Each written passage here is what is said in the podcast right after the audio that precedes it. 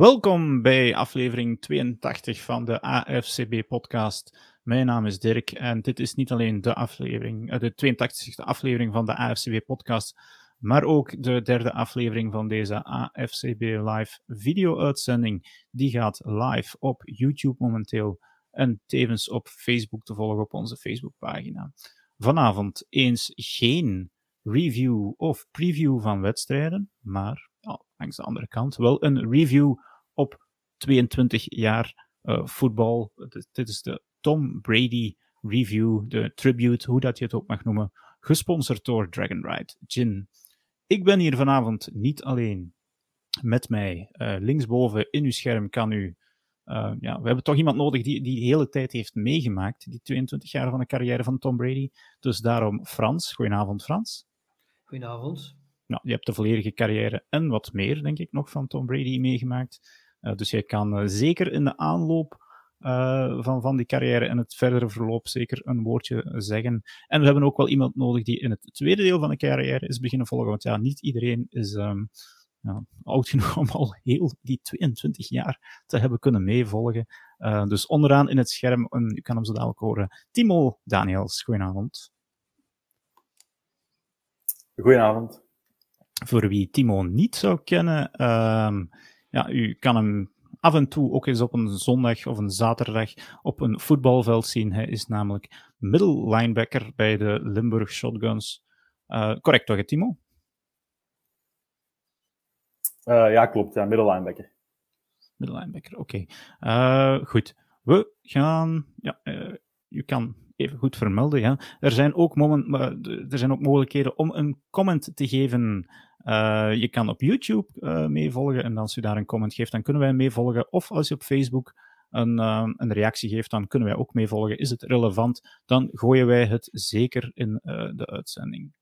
Um, en ik zie bijvoorbeeld al Timo, Timothy Keteler die vraagt of Dirk, um, ja, of dat ik terug aan de gin zit. Inderdaad, Timothy, ik ben vandaag aan het laatste um, druppeltje uit de ginfles bezig van deze Dragon Ride gin. Goed. Genoeg um, ja, reclame, introductie. Uh, we hebben 22 jaar voetbal uh, te bespreken. Uh, we zullen proberen om er geen uh, Wikipedia-voorleesmoment van te maken. Maar goed, het, is, het, zal toch een beetje zo in die richting uh, gaan in het begin.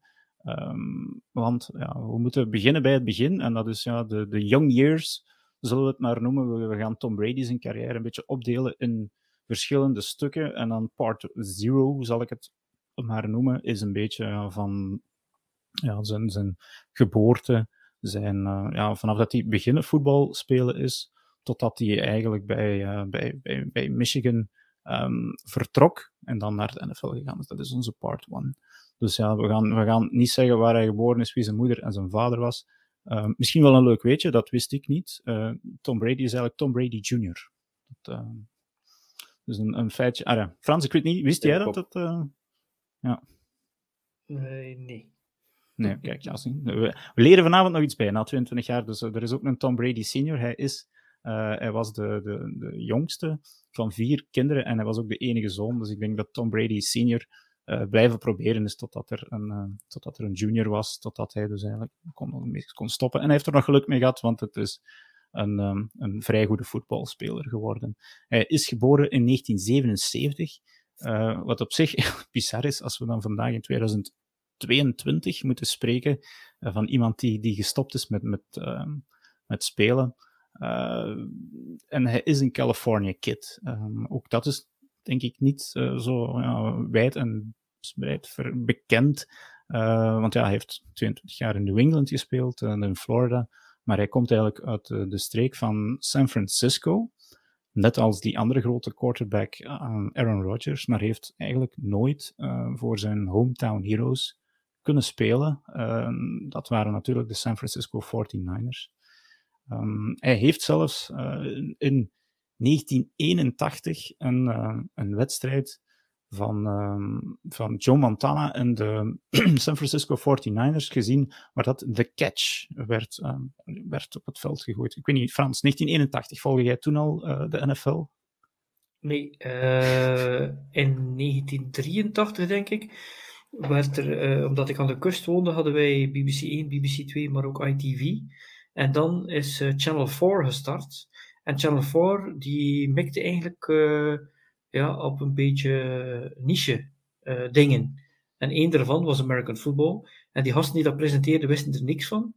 En wij die keken wisten er ook niks van. En dat was perfect, want we, we hebben gewoon elkaar dan opgevoed. Mm -hmm. dus dat was al twee jaar daarna.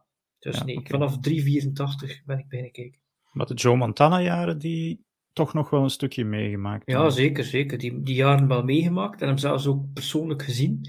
Uh, wij vertrekken dan op een bepaald moment midden jaren 80 naar uh, Londen om uh, een pre-season wedstrijd te zien tussen Marino en Montana.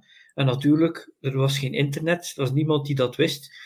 Dat Montana en uh, Marino, dat die elk twee snaps gingen nemen en dan op de bank gaan zitten. dus we waren onmiddellijk, we hadden iets bijgeleerd namelijk. Ik heb al foto's, ik heb ze zien passeren, maar ik heb ze drie snaps zien nemen en dan wist ik, oké, okay, pre-season is niet echt iets wat, waar je je, je, je, je echte toppers gaat zien spelen. Oké, okay, dus we mogen nog van geluk spreken dat we in Londen tegenwoordig geen pre-season wedstrijden krijgen, maar uh, wel degelijk uh, ja, regular season games. Um, nee, dus dat was eigenlijk zijn grote held toen als hij klein was, uh, Tom Brady. Um, hij ging naar Junipero Serra High School. Um, waar hij ook, zoals zoveel, een multisport atleet was. Dus hij was wel vrij groot, 6 foot 4. Hij speelde basketbal, maar zeker ook um, baseball. En dat is wel iets dat, dat minder goed geweten is. Hij is um, ook gedraft geweest in uh, 1996, was het zeker. En we hebben er ook een foto van, volgens mij. Een beetje getruckeerde foto. in uh, de, de Montreal Expos. Dus in de 18e ronde van, um, van de, de, de, Major League Baseball draft. Dus ja, dit is toch duidelijk voor wie kan zien op Facebook, uh, of op YouTube of op Facebook, al een iets oudere Tom Brady in een, uh, in een uniform van de Montreal Expos. En Tom Brady was, en ja, heeft het uniform hier ook aan, zoals je kan zien, een catcher.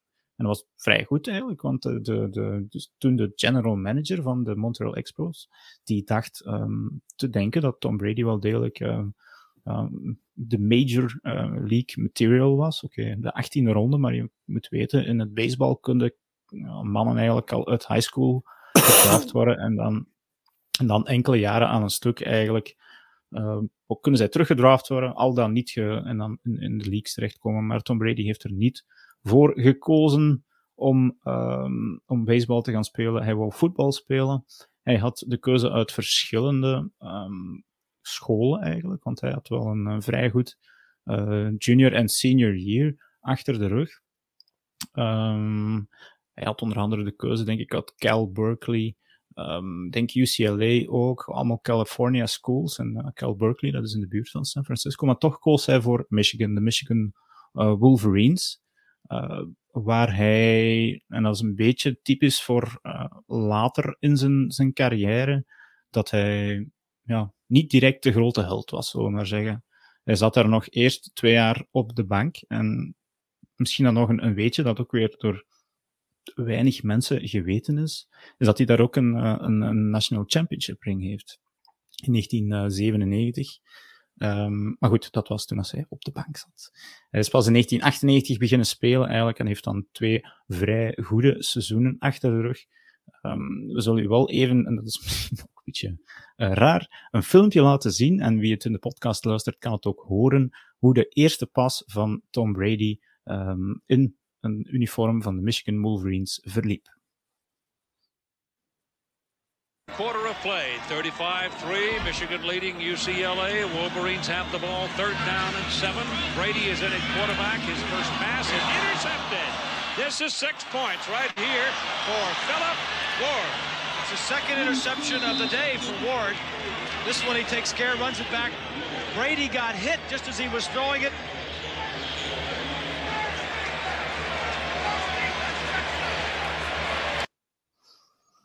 Ja, goed. Dus uh, wie het kon horen of wie het kon zien. Frans, ben jij bekend met het concept van de Pick Six? Ja, je, je, weet dat ik daarmee bekend ben, want ik ben de enige quarterback in de BFL die ooit drie pick sixes naar elkaar heeft gegooid. Uh, en het nauwelijks overleefd heb, omdat mijn eigen linemen me gingen vermoorden. Dus uh, ik weet een beetje hoe Brady zich voelde, maal drie. Goed. maar ah het is maar om, om aan te geven ook hoe uh, ja, mentaal sterk dat Tom Brady toch moet geweest zijn. Want hij heeft een, in het, dat was denk ik zijn sophomore year. Dus het was een beetje een mop-up duty tegen UCLA, tegen UCLA. Mocht hij één snap uh, spelen. ja, helaas een pick six. Uh, vergeet, later is vergeet, Ja, vergeet ook niet dat in die jaren dat hij in Michigan was, was dat team 40 en 9. Hè. Ik denk dat Brian Greasy was, die daarvoor de quarterback was, als ja, die ja, klopt. op de bank zat. Maar als Brady heeft overgenomen, uh, is hij 20 en 5 geweest. Dus uh, ze waren 20 en 4 en met hem waren ze 20 en 5. En mm -hmm. niemand had verwacht dat Brady uh, kon tippen aan Greasy of dat eventueel zou overtreffen. Maar ik herinner me wel dat naar het einde toe, dat hij wat wedstrijden heeft gespeeld, waar als je die wedstrijden ziet, dat je dan al het zaadje ziet van dit is iemand die een winner is. Dit, dit is niet alleen maar uh, iemand bijvoorbeeld met een arm of iemand die uh, uh, goed in reading defenses is of zo. Het ging vooral over die wou winnen en die dat, dat, team kon meetrekken. Dat zag je dan al. Op eigenlijk, ja, tamelijk jonge leeftijd toch. Hè? Ja, inderdaad. Maar herinner je effectief iets van, van die periode? Van die, die ja, keek je toen college bijvoorbeeld? Of, uh, we spreken nu wel van 25 jaar geleden. Hè? Dat, is... dat, was heel moeilijk en heel sporadisch. Maar wat je natuurlijk had is, vanaf het moment dat die wel begon iets beter te worden, of die eerste Super Bowls te winnen, dan beginnen ze natuurlijk wel te denken, oh shit, wacht eens, wacht eens. Uh, waar hebben we die kerel gedraafd? En waarom weer dachten we dat? En wie heeft weer iets over hem gezegd? En dan begonnen ze een paar van zijn wedstrijden in zijn laatste seizoen te tonen, waaruit dan plotseling bleek, hé, Monday Morning Quarterbacks, hé, dat ze achteraf allemaal het eigenlijk hadden moeten weten. Ah, ja. En daarom heb ik een paar van die dingen gezien, omdat men dat weer natuurlijk naar boven haalde van, kijk, uh, hier zie je hem als field general en hier zie je hem al heel het team aan, uh, aanjagen. Uh, dingen die men natuurlijk pas achteraf naar boven bracht. Ja, Goed, ja, hij was dan bij Michigan inderdaad de starting, de starting quarterback. Um, ja, het was een, een goede college carrière, een good, not great, zal ik maar zeggen, inderdaad. Hij heeft wel de, de, de Orange Bowl bereikt, waar hij toen tegen Alabama mocht opnemen. En volgens mij was dat dan een van zijn, uh, zijn eerste um, fourth quarter comebacks, denk ik. De, dat Brady toen effectief wel de, de, de, de Michigan Wolverines een comeback leiden. Overwinning tegen de Alabama Crimson Tide. Uh, maar die stelde net in die periode ja, toch nog uh, net iets minder voor. Uh, goed, dus Tom Brady. Ook, ja, ook niet vergeten, Dirk, dat hij zevende op de depth chart is. En dat zijn zo van die zaken. Als ik zevende op de depth chart zou zijn in een college, dan vraag ik ofwel na een tijdje uh, mijn transfer aan, of dan neem ik misschien toch die baseball uh, offer. Ja. Uh, het wil zeggen dat hij echt dit wou, en dat hij er geen probleem mee, mee, had om nummer 6, nummer 5, nummer 4, om één voor één ze voor hem op te eten, harder te werken en beter te zijn, om tot op een punt te komen dat hij die starting positie kreeg. Ja, ja inderdaad. Dat, dat, dat is misschien een rode draad in, in zijn carrière een beetje. En misschien is dat eventueel ook een, een, een, uh, een vrij goede segue naar, naar het volgende stukje, want dat is waar hij dan later heel vaak op teruggekomen is, de uh, NFL Draft, uh, waarin hij gekozen werd als 199ste. Um, er zijn anekdotes over die hij dan later vertelt. er is daar die documentaire, ik weet niet dat iemand van jullie die, die naam kent, uh, waar dan Brady met zijn, zijn ja, lange haren, een periode dat ik ook al uh, vergeten ben eigenlijk, uh, vertelt al huilend over zijn, zijn, zijn NFL draft, hoe er zes quarterbacks voor hem genomen zijn. Maar misschien eerst even over die draft. En ik ga even een, een ja, zeg maar. Ik denk dat dat is dat niet de, de Brady Six of zoiets.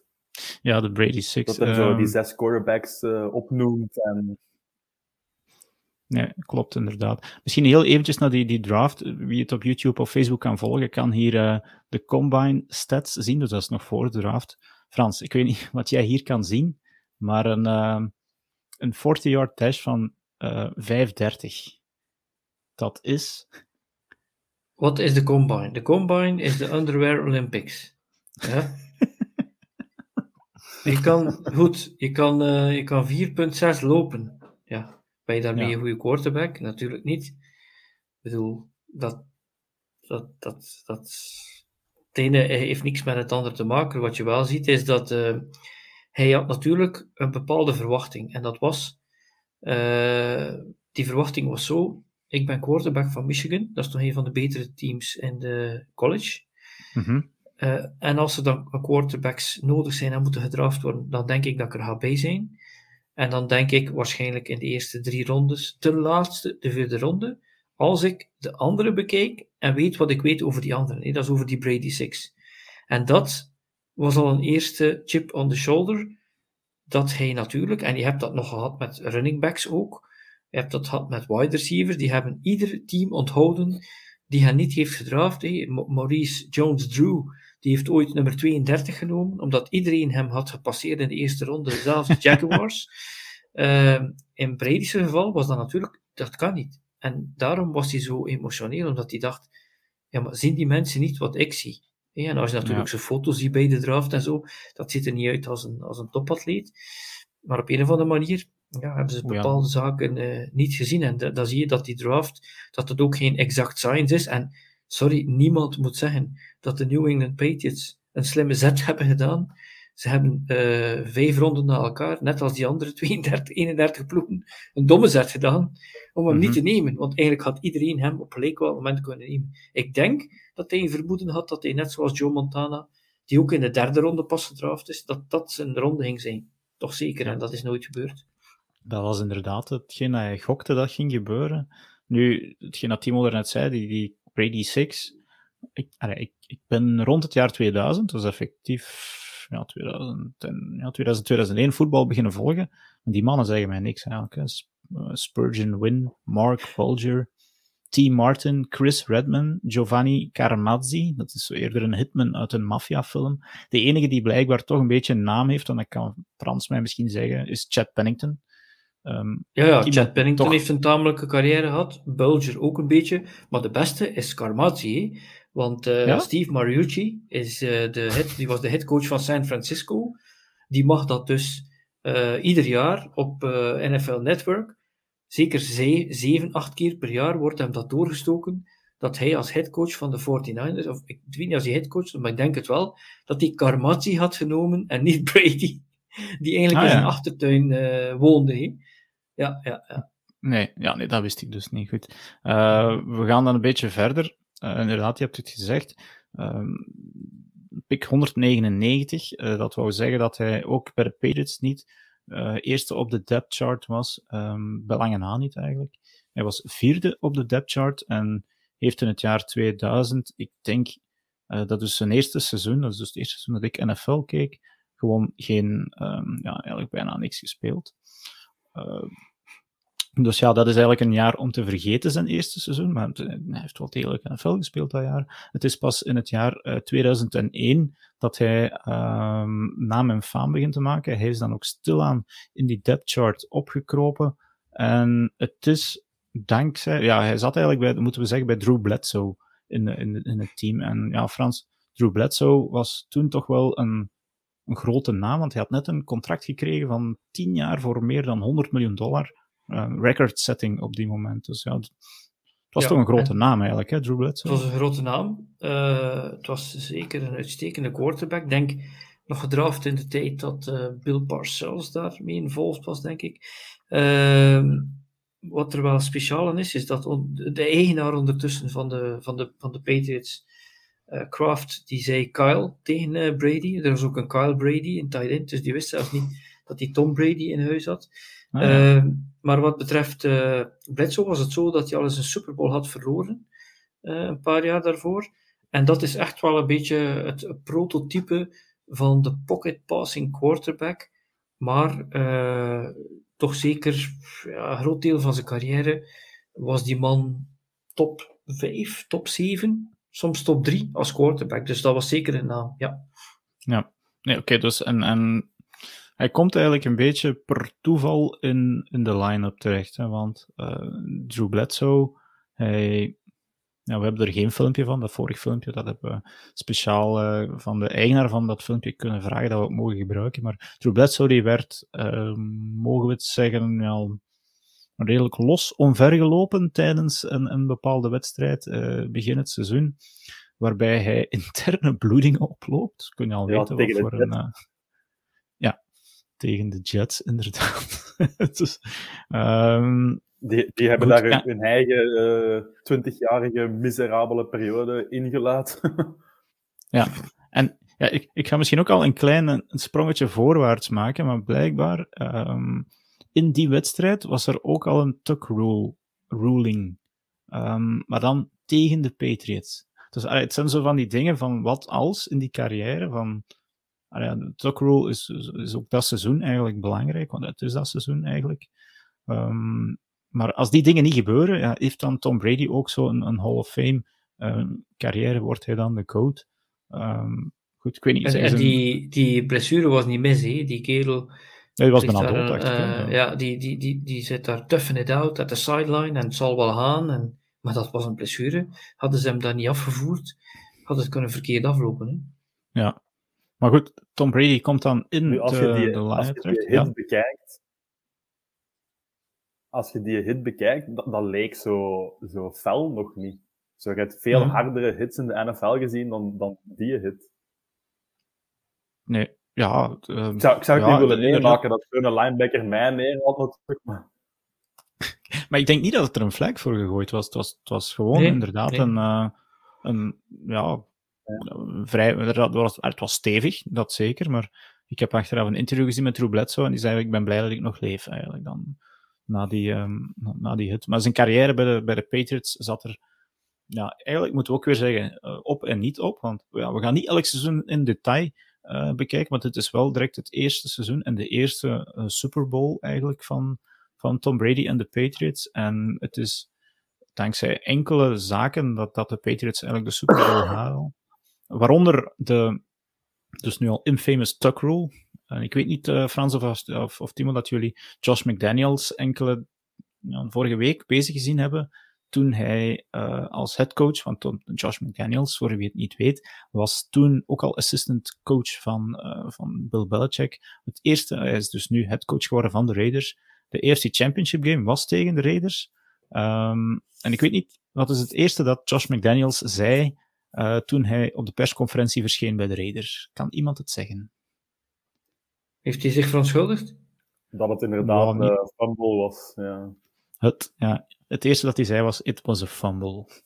Dus ja, de Raiders zijn nog altijd een beetje salty na die. Uh, nou, twintig jaar geleden eigenlijk. Want als die tuck rule en ja, Franse tuck rule, heel kort, weet je, kan je zeggen wat het is? Ja. want hij bestaat niet meer. Hè? Uh, nee, maar uiteindelijk uh, is daar gewoon nog altijd discussie rond. Want het, het komt erop neer dat je dus, ja, haalt die arm vooruit en probeer je dan de bal weer naar binnen te brengen. En bij dat doen, is het dan nog vooruit aan het gaan of niet? Het is, het is, eigenlijk is dat is heel die regel een clusterfuck.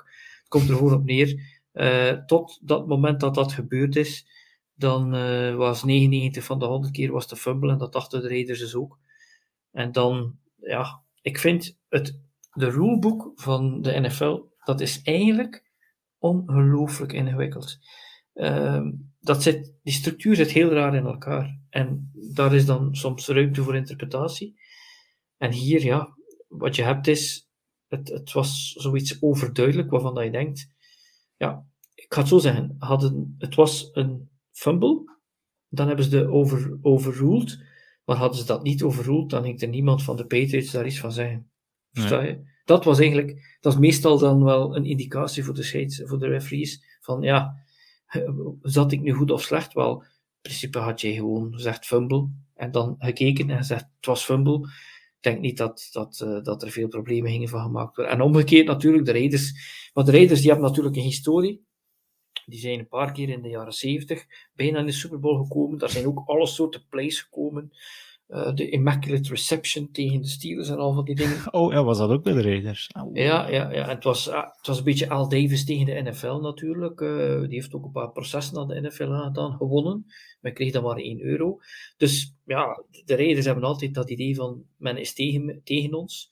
en het is een judgment call op dat moment van de referee. Die, als je de regels goed bekijkt, misschien wel juist was. In, volgens de, de letter van de wet, maar die eigenlijk in, in zijn context. En als je het vergelijkt met andere plays, dan had je gewoon geen idee waarom dit gebeurde. Nee. Uh, en normaal gezien, ik wil zeggen, als er één play is in een wedstrijd, waarvan je zegt, ja, maar ja, je hebt duizend kansen gehad om die wedstrijd te winnen, je ga je toch niet concentreren op die ene play. Maar er zijn uitzonderingen. Dit is een uitzondering. Charles Woodson, die heeft nog elke nacht een nachtmerrie van het feit dat dat gebeurd is, en die gaat er ook niet over zwijgen. En het is een beetje vergelijkbaar met die hit die we ooit gezien hebben op de New Orleans Saints. Dat iedereen zei, dat kan toch niet? Die, die kerel is toch volledig ja. uh, geweest voor de ballerbal. Ja. Ja. ja. en dat is, dat is een beetje vergelijkbaar. En vandaar dat het dan natuurlijk lang heeft blijven meegaan. Ja, dat is misschien dan ook nog een beetje rode draad in, in zijn carrière, alhoewel dus, uh, dat het meezat op belangrijke momenten. Hè. Dus ja, Timot is nog voor, van voor jouw tijd, maar kan jij zeggen, dit was een fumble? Um, ik zelf als speler zou zeggen van, dat het een fumble is. Nu, um, de regel toen, destijds, want ik heb dan natuurlijk allemaal opgehoord om daar, daar kunnen meer over te kunnen praten met anti-Patriots uh, supporters of ja, haters. Um, de regel was toen, als hij zou de bal gaat vooruit, dat ze het mogen rulen als een pass en dus een incompletion. En uh, de referees hadden het opdracht gekregen om in die situaties een fumble te callen, omdat dat reviewable was en een incompletion niet. Dus als ze okay. dan een fumble callen, dan, dan konden ze reviewen en beslissen aan dat van hun videobeelden in plaats van gewoon uh, nee, incompletion, volgende down. Oké, okay. het voelt vies aan, denk ik wel. Als, um, als, als ja, stel Raiders ja, van eigenlijk als je een Raider-fan bent, dan kan ik me dat heel goed... Als het omgekeerd was, zouden we dat ook zeggen van nou, actual F. Oh, ja. Oké. Okay. Nee, maar dus dat was eigenlijk dat jaar dan dat de Patriots, en dat is dan een wedstrijd die ik mij nog wel eh, goed herinner, hun eerste Super Bowl winnen tegen de, en ja, toen moet ik een beetje tussen haakjes zeggen, mijn St. Louis Rams, omdat ik in 19 ja, in, in 2000 NFL ben beginnen kijken. En als dan ja, een beetje successupporter voor de um, Greatest Show on Turf een paar jaar gesupporterd heb. Uh, maar ja, ik, ik, zie, ik zie nog heel goed voor mij dat Marshall Falk daar achter in het veld staat om uh, een, een desperate return te doen, maar ja, het mocht niet baten. maar vergeet ook niet dat, en dat zal ook een rode draad zijn in wat we gaan vertellen, dat Brady had bijna niet die Super Bowl gespeeld, want die was geblesseerd tijdens de playoffs. En dan is Bledsoe hem vervangen, als het niet is. Uh, en daar gaan er 2 euro in de pot, dank u. Uh, maar wat er belangrijker is in die Super Bowl is dat dat de eerste, dus die, die greatest show on turf, dat was simpel. Je, je dacht, die zijn vertrokken voor vijf jaar. Dus dat, dat, dat kan niemand iets tegen doen. Dat, dat wordt een dynasty. Je kan die zelfs niet bevatten dat die Rams die Warner aan de kant gezet hebben, want die heeft later nog een Super Bowl gespeeld met de Cardinals. Dus dat was zo'n goede quarterback die ooit bij de Amsterdam Admirals heeft gespeeld. Maar uh, wat er zo belangrijk is in die wedstrijd, uh, dat is dat je dan al ziet dat de combinatie van wat Brady kan, maar ook zeker uh, hoe Belichick dit speelde, altijd dat uitbuiten van de zwakte of van de tegenstander. En Mike March, die had dus overgenomen als headcoach van uh, Dick Vermeil. Dat was de offensive coordinator, dat was de, de guru en de dingen.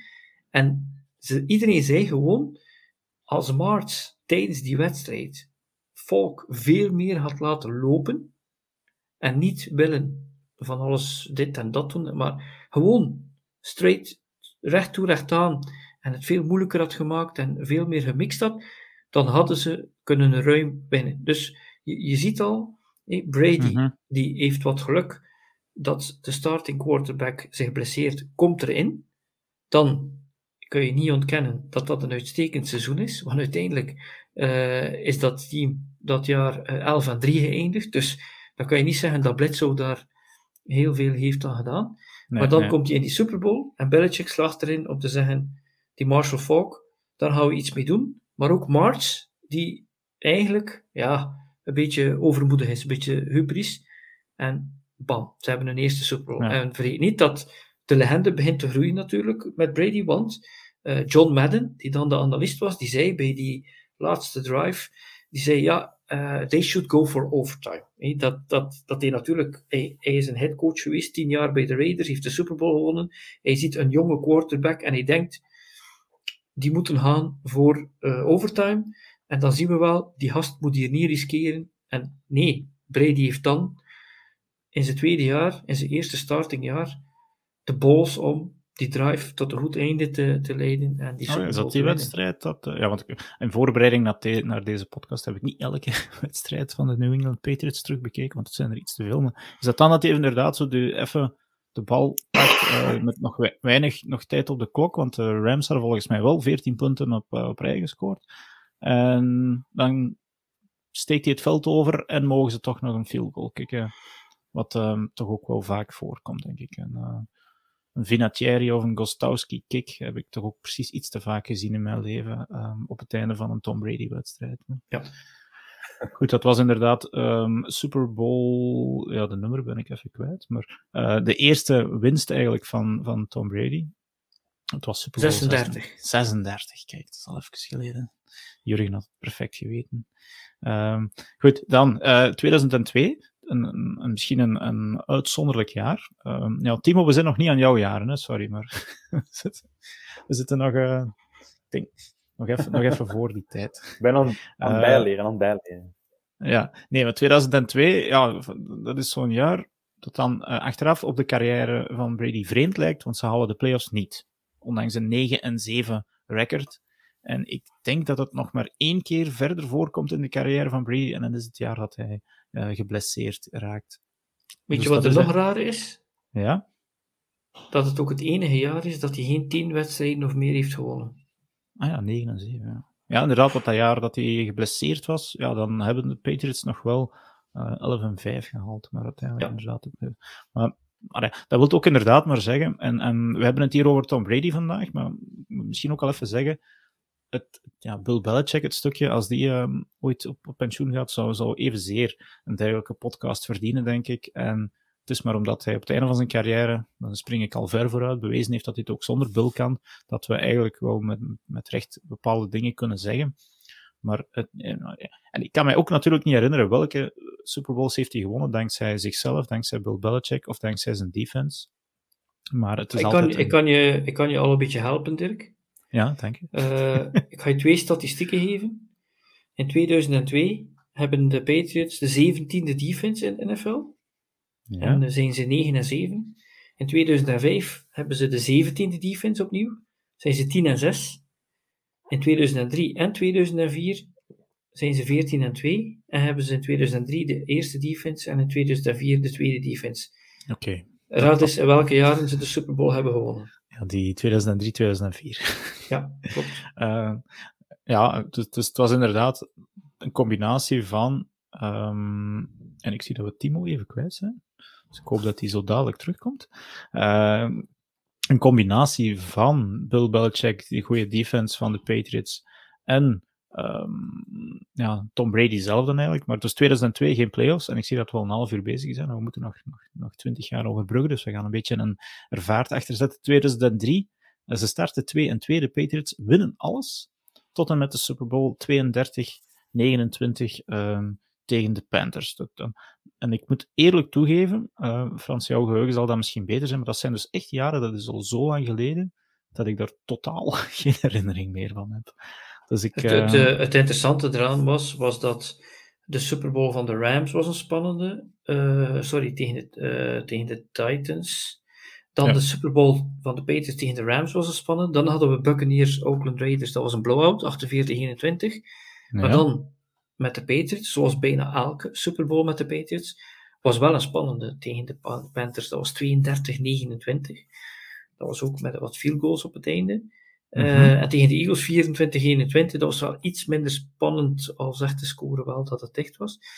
Ehm, maar als je dan ziet, tweemaal een hele goede defense, dat is het eerste dat natuurlijk wel belangrijk is om daarin eh, mee te nemen. Maar ook, in feite, als je naar Brady zijn cijfers kijkt, 14 en 2 eindigen, maar 12 interceptions in 2003, maar 14 interceptions in 2004.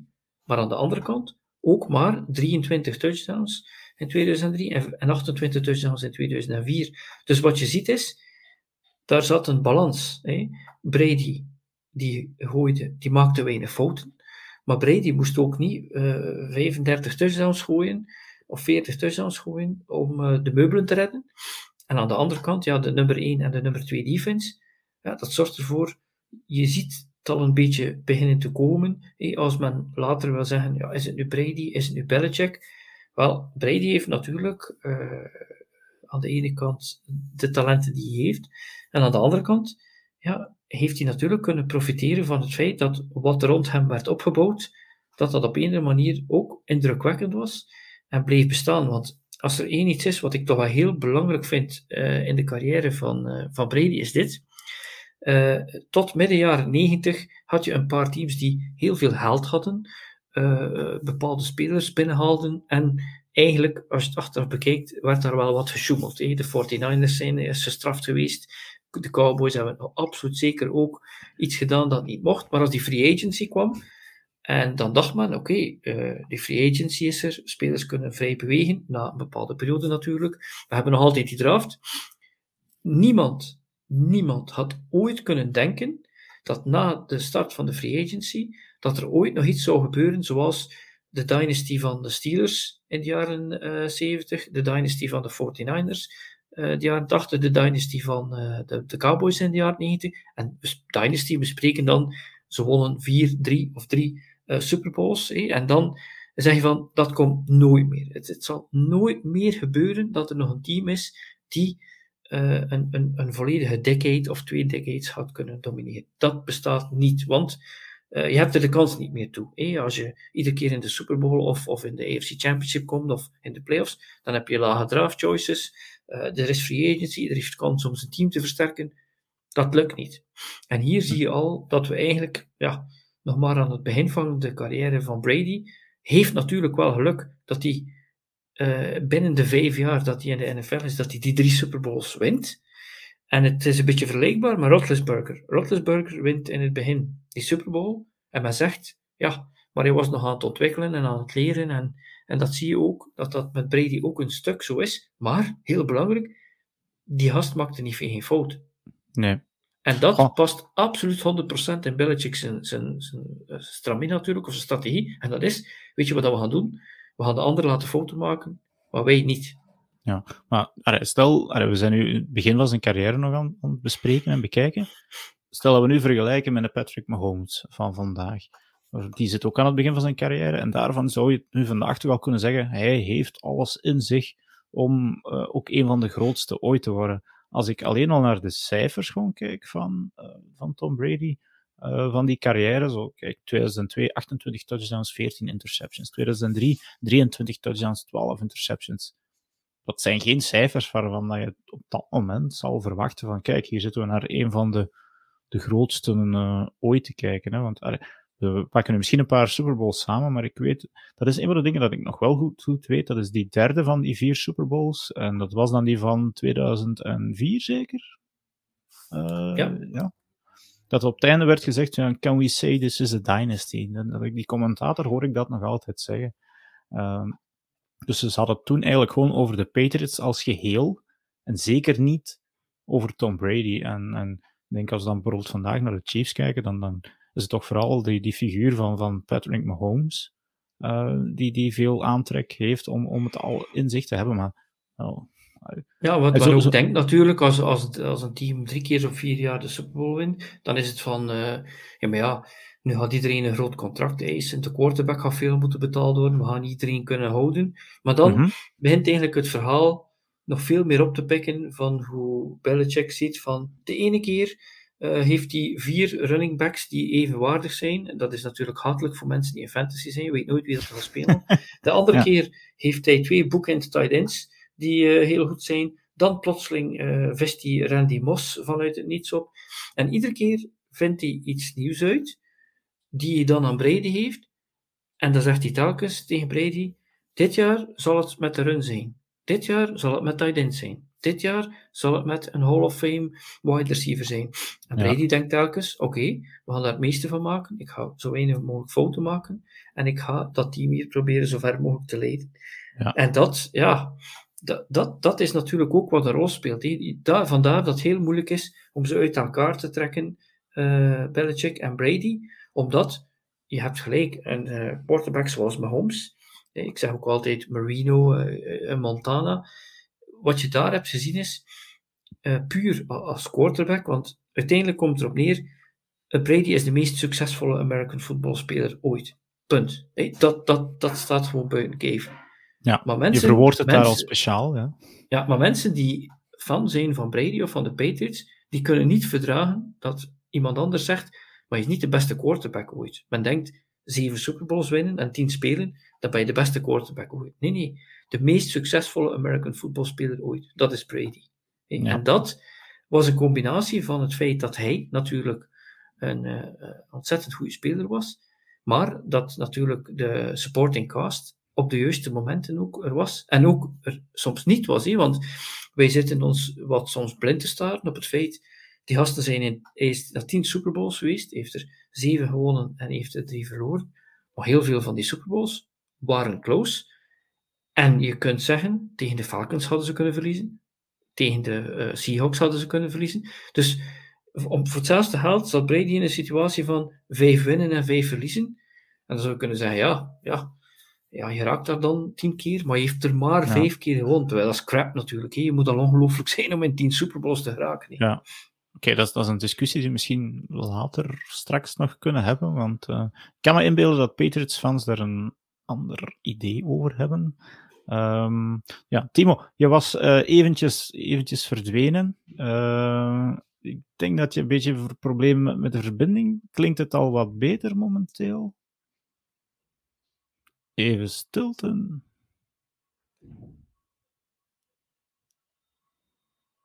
Ik, uh, ja, ik denk niet dat we hem even kunnen horen. Uh, goed, we gaan verder, want we komen eigenlijk juist op Timo zijn, zijn periode een beetje.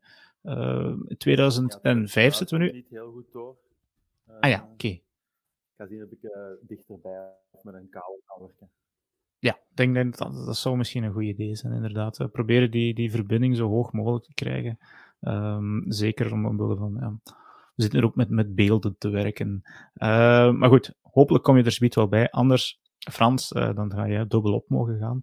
Uh, ja, en het, het is alsof de de, wat was het? Uh, de conference games uh, toen Jurgen uit was met corona. ja, dat je dus alles zelf moet doen. Maar goed, ik, ik zal zo goed mogelijk proberen om, een, uh, om zelf een, een, een, een Patriots-fan te spelen. Niet gemakkelijk. 2005, we zitten een beetje dan in het tweede deel van zijn carrière. Hè, want ik zal het straks laten zien. We kunnen eigenlijk Tom Brady zijn carrière indelen in drie Hall of Fame carrières, wat misschien ook wel een discussie waard is. Maar in 2005 begint eigenlijk een Super Bowl ja, droogte, zullen we zeggen, die uh, een kleine tien jaar zal duren. Nee, nee geen Super Bowl droogte, Super Bowl winst, winst, droogte. Ja, ja. ja dus, dus inderdaad geen, uh, geen trofeeën, we zullen het zo noemen. Uh, en, en, het is misschien een periode die we dan iets sneller kunnen, kunnen doorkruisen, want het is ook echt wel een start van een tweede deel van zijn carrière, 2005. Um, een, een, een blessure. Een, een, hij mist denk ik twee wedstrijden of zo door een sports hernia veronderstel dat dat een gewone hernia is die je dan maar in sport oploopt. Uh, en in 12 en 4 halen ze dus dan. Dat zijn allemaal, elk jaar halen die een super record eigenlijk. Dat, is, dat is bizar om te zien als je die, die carrière gaat overlopen, hoe succesvol dat die Patriots elk jaar geweest zijn. En dan moet je maar kijken, ja, tegen wie verliezen ze. Dat jaar verliezen ze bijvoorbeeld 2005 tegen de Denver Broncos in de divisional round. Uh, we gaan er misschien niet verder bij stilstaan. 2006 Weer 12 en 4. Uh, ehm, ditmaal AFC Championship verlies tegen de Colts. En ik, uh, ja, dat is op dat moment tegen Peyton Manning. Frans, is dat zo, was dat de grote, ja, ja, de confrontatie eigenlijk elk jaar in de EFC, als ze, als ze die elkaar tegenkwamen, Manning versus Brady? Ja, wat je ook ziet is natuurlijk, uh, het was ook een, een, een matchup van twee uh, film, film ja, hoe heet dat, dat filmjunkies. Hè? Mm ik had iets grappigs gehoord op een of andere podcast, dat was gewoon niet normaal, van een kerel die zei, er zijn heel veel die zeggen tegen een vrouw, ja, ik moet naar, uh, ik moet, uh, naar het trainingcamp of naar kamp, ik moet filmstudie gaan doen, wat die dan in de club zitten of iets anders doen. Nee, nee, als Brady, Manning zei tegen zijn vrouw, of als Brady zei tegen Giselle, ik moet filmstudie doen, die mannen deden het filmstudie. Hè? Dat was niet om uit, het huis, uit het huis te zijn. En dat was wel een beetje uh, echt wel uh, schaak, schaakspel op hoog, hoog niveau. Dus als, je, als je Brady zag spelen tegen de Colts en als je Manning zag spelen tegen uh, de Patriots, als je die samen bezig zag, ja, dan wist je wel, oeh, dat is hier, dat is hier op het hoogste niveau dat er gespeeld wordt. En daar keek men natuurlijk altijd wel naar uit. Maar vergeet ook niet dat je spreekt nu over een periode. En dat is iets dat niemand had verwacht. Hey, want ik sprak daarnet over die jaren 23 touchdowns en 12 uh, interceptions.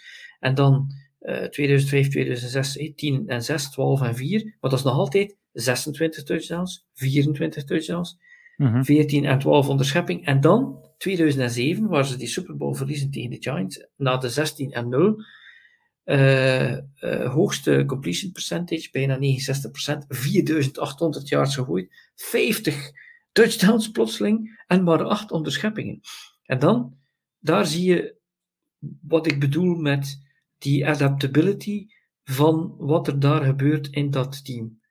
Het is telkens van, oké, we hebben nu die top receiver, of we hebben nu die bookend tight ends, of ik zeg die running backs, en we gaan ons daar naar stellen. En Brady heeft daar dus geen probleem mee om in een bepaald jaar 34 touchdowns en 8 interceptions te gooien en 12 en 4 te zijn, om dan weer een paar jaar later maar 25 touchdowns te gooien en 12 en 4 te zijn. En dan weer 36 en dan weer 24.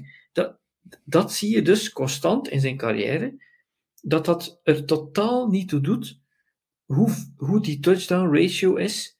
Hoe, sorry, touchdown to interception ratio is altijd goed, maar hoe die touchdown aantallen eventueel iets met die record te maken hebben. En dat betekent dus dat hij als quarterback, en dat is wel heel belangrijk, mensen zeggen altijd, uh, Mahomes bijvoorbeeld, die lijkt dan ja, een betere atleet en beter dit en dat. Wat is de job van de quarterback? De bal geven aan degene die het best geplaatst staat. Soms is het een tight end, soms is het een receiver, soms is het een running back, soms is het de handoff, soms moet hij zelf uh, één yard hey, voor die first down te halen. Ja. Maar hij wist gewoon altijd wie is de best geplaatste persoon. En doordat hij dat wist, hoefde hij zelf niet altijd 40 touchdowns te gooien, want dat was niet altijd de persoon die het best stond, want ze hadden bijvoorbeeld die dag al die receivers gecoverd. Ja. Maar ze vonden een oplossing. Zie je? Ja, ja. Nu, van de receivers gesproken, uh, we zullen even een sprongetje maken naar 2007. Ja. Uh, het jaar. En, en, we zijn aan het proberen trouwens om Timo er terug bij te krijgen, maar hij heeft wel, wel last, denk ik, met zijn verbinding. Um, Timo, ben je er terug? Ja, zeker, ja. Ah, dat klinkt al een pak beter. Ik ging bijna... Oh, een perfect ik, ik, ging al bijna een Limburg-mopje over trage verbindingen maken. ik was het aan het denken, ik was het echt aan het denken van deze meende nu niet, hè? Ja, ja, nee, ja is, want, uh, want uh, Dirk, jij maakt altijd een rundown, hè, dat ja. wij weten waarover we gaan praten. En ik dacht dat jij die rundown ging, uh, moest moeten twee keer zoveel doen, met Timo erbij. Aan de ene kant de tekst, aan de andere kant de muzieknoten, maar dat heb je niet gedaan. Nee, nee, nee. Maar ik ben, ik ben van oorsprong eigenlijk van Vlaamse Draaf, want ik woon enkel in Limburg. Oké, oké, oké. Dan is die mop is... totaal misplaatst. Het is je vergeven en ja, ik, dat, ik ga toegeven dat Limburg mijn favoriete provincie is, want ik werk er ook trouwens. Het zijn top, top mensen. Nee, uh, Timo, we zitten ondertussen in het jaar 2007. Dat is uh, het meest succesvolle jaar tot en met de Super Bowl, moeten we zeggen. Uh, ik, ik, heb, ik heb ook weer van dit jaar vrij weinig nog echt goede, echte herinneringen, denk ik. Buiten dat, dat die 16-0 waren, die, die Patriots. En jij zegt, ai, um, is dat ai omwille van de, het verlies in de, in de Super Bowl uiteindelijk um, tegen, de, tegen de Giants? Of is het ai omwille van het feit dat toen eh, en dan, dan komen er speed op terug, denk ik, maar dat uh, Spygate toen uitkwam. Of is het um, een combinatie? Het, het, is vooral voor de Super Bowl laws, de, de, spy, de, de Spygate en Deflategate toestanden. Um, ja, ik bedoel, Spygate uh, was het, het, illegaal filmen van uh, coaching signals. Ja. Maar dat was eigenlijk gewoon van de verkeerde locatie. Het, was, het is toegestaan om signals te filmen in de NFL. Ze hebben ja. het gewoon gedaan van een locatie waar het niet nog dan denk ik zo van, ja, oké. Okay. Oké, okay, jij zegt gewoon, bij mij, bij mij is het advies. Hè, ja. ik weet, het, het, mocht dat, dus het mocht niet van op de zijlijn gefilmd worden, dus een andere coaching signal. Maar als je dan in de tribune ging zitten, mocht het eigenlijk wel.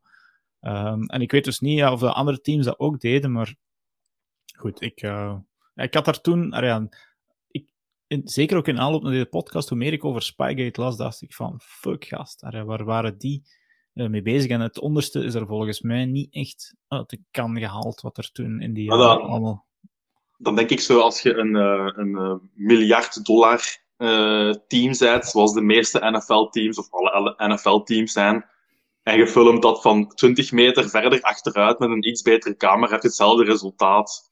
Ja, ja maar gewoon, gewoon, het feit dat je coaching signals wil stelen. Dus, ah ja, dat, uh... ja, dat is zo'n zo hele discussie. En als je dan zo naar een meer uh, Amerikaans. Want ik weet dat zo. Als je dat tegen Belgen zegt, dan zeggen ze van ja, of, of tegen nog een, zelfs een deel Amerikanen, dus dat is verkeerd. Terwijl in een sport als baseball is dat een onderdeel van de sport. Ja, Zo het signalen stelen. En... De Houston Astros zijn er ook wel uh, fel voor door het stof gegaan. Uh. Um... Wat, Dirk, wat je ook hebt is... Uh, ik, ik vind eigenlijk al die, die like Spygate en die andere dingen... Uiteindelijk, al die teams proberen een edge te halen. Altijd. Hè? En, Ja. en, ofwel... if you ain't cheating, you ain't trying. Hè? Dus aan de ene kant is het heel on-Amerikaans om te cheaten. Hè? Dat, dat zouden ze dan zeggen. Aan de andere kant, iedere edge die je kan halen, kan je halen. Voor mijzelf hebben ze serieus de dans ontsprongen in een andere situatie. En dat is dat ze eigenlijk uh, een practice, zo iemand een practice gefilmd hebben of gevolgd hebben van de Ja, dat- Rams in de tijd dat ze die Super Bowl hebben gewonnen. En dat Ja, is dat- al iets dat- anders, want Dat, ik ben dan... dat noem ik, ben- ja. Dat is bij mij bij, bij Spygate eigenlijk bij. En dat is uiteindelijk niet bewezen geweest, gewoon. Ja, ja. Maar ja, ik bedoel met dat filmen en al die andere dingen van de signals. Maar als ik dus zo als headcoach mijn Super Bowl aan het voorbereiden zijn en ik heb een paar setplays die ik aan het trainen ben in een stadion en er is iemand die mij in de week van de Super Bowl kan bekijken hoe ik bij third en, en red zone en dit en dat wat ik ga doen. Ja, dat is al iets anders. Maar natuurlijk, ja, de gelegenheid maakt de dief. Het is wat het is. Je moet er maar voor zorgen dat niemand dat kan doen. Ik bedoel, ja, Nee. want uiteindelijk, heel veel teams, zelfs in de jaren 70, jaren 80, eh, je had teams die bijvoorbeeld eh, hun eh, walkthrough, die deden dat soms in een hotel. hè, In, een- in een grote zaal. Gewoon Echt? omdat ze wisten, ja, alle deuren zijn dicht en wij doen hier een walkthrough van bepaalde zaken, omdat we dus 100% zeker zijn dat er hier niemand ons kan zien. We weten Ja. nooit in een groot stadion. Ah, ja.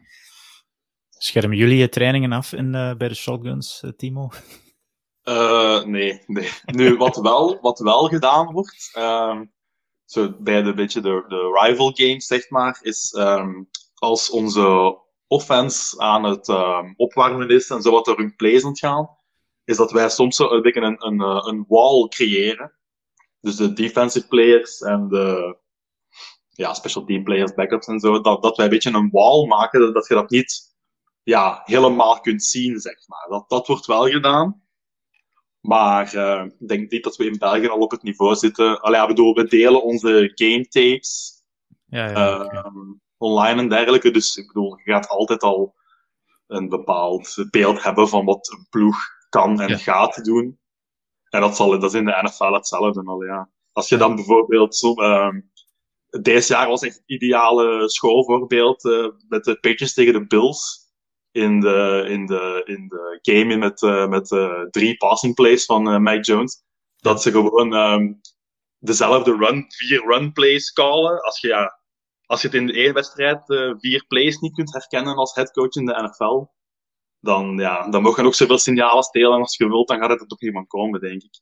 Nu, ik snap dat dat bij heel veel mensen in, in een verkeerd een zure, een zure nasmaak geeft, of toch een, een, eh, een vlek op de carrière van Tom Brady, maar dan, dan denk ik van, als, als er echt wordt gedacht dat de Patriots de enige teams waren, van de teams waar dat dat deed, dan, ja, dan bestaat Sinterklaas ook echt, weet je. Ik heb nog een vraag voor jou, Timo. Ja, Eh, zeg maar. Als je... Ik, ik vraag me af hoe je dat als een eh, Patriots-fan hebt beleefd, dat je 16 en 0 bent, dat je quarterback 50 eh, touchdowns heeft gegooid. Had jij ooit gedacht, als Patriots-fan, dat... Ja, het was niet gedacht dat de Giants konden winnen van de Patriots, maar had je ook ooit gedacht dat de Patriots maar 14 punten gingen? Dat het zo weinig ging schelen, want daar zit het natuurlijk ook. Ik bedoel, als, als de Patriots 30 punten maken die wedstrijd, dan doet het er niet toe dat er daar een helmet catch of alle soorten dingen gebeuren. Maar ha- had je gedacht dat de eh, Giants jullie tot zo weinig punten konden houden? Eh, dat was eigenlijk het eh, eerste seizoen dat ik ehm, echt volgde. En dat was dan vooral met samenvattingen online en dergelijke, niet eh, de wedstrijden kijken. Ehm, en dan voor die wedstrijd, want ik was toen, ja, denk 16, 17 jaar, had je zoiets van, ja, de Giants, dat, was een, dat waren een fourth of een fifth seed, denk ik. Eh Ja. Wildcard Six- team. 60, denk ik, laatste. Ah, ja, het zou wel eens een wildcard eh, team. Die dan gingen spelen tegen het beste team aller tijden. En ik herinner mij ehm, een interview met, uh, alleen die van de BBC, OC, OC Manjora van de Giants.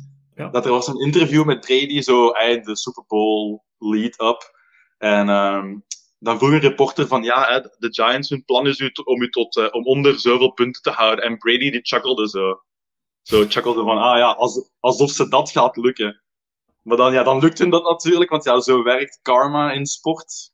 Ja. Nu, ehm, de aanleiding naar die Super Bowl ehm, was ik nog niet zo geïnitieerd in American football, maar ik had wel zo'n idee van, ja, oké, ze gaan dat wel winnen. Ehm, Ik heb dan zo de, de ochtend erna even nu Google opensmijt voor het eh, op te zoeken. Dus van, oei, is dat een tipfout of ergens? Al ja, maar ja, dan Ja, zo leek het dan echt wel, hè, inderdaad. ja, je, Ja. je, je, ziet zo Giants eh 17 staan en dan zeggen zo eh Patriots 14. Dan denken ze van, moet dat niet 34 zijn? Of, al ja. Ja. Maar ja, kijk, dat is een eh Ja, eh, dus deel Eli, van de ook. Hè. Ja. El- Eli Manning en Nick Foles, de twee ehm, antagonisten in de Super Bowl carrière van, Ja, Tom dat Brady. is, dat, dat is zo surreal eigenlijk. Dat Oké, Eli Manning is een, een Hall of Famer, no doubt. Oh, Maar het is ja. Eli Manning. Al ja, weet je. Ja, oké, het is eh, de meest... ooit in ehm AFCB podcast nummer 1, Frans, hebben wij Eli Manning zijn mogelijke eh, Hall of Fame carrière besproken. En ik weet nog dat we hem toen de most average eh, quarterback aller tijden genoemd hebben, omdat hij effectief 50-50 zat met wins, losses. Maar hij heeft wel dus twee keer Tom Brady een, een, een Super Bowl ontnomen. Ehm, het, ja, dus even die periode dan in zijn geheel bekijken. Ehm, 2007, dus perfect season, eh, Super Bowl, maar geen winst. 2008, een, een, ehm, een ja, sabbatjaar, dankzij, onda, eh, dankzij een ACL-blessure. Dus hij scheurt eh, die ACL eigenlijk in het begin van het seizoen. Speelt dan niet. Eh, de Patriots gaan wel 11 en 5, halen de playoffs niet.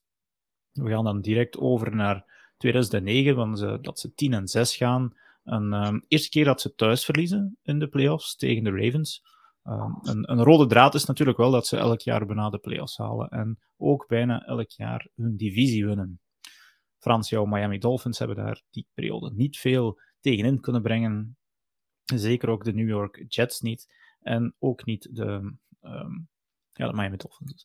Eh, maar goed, eh, ja, dus we gaan een beetje sneller erdoor. 2010, want, want ondertussen, ja, we zitten met, met eh, een nieuw blik spelers dat er is opengetrokken dat moet samenspelen met Tom Brady. Want natuurlijk is dat niet elk jaar hetzelfde team.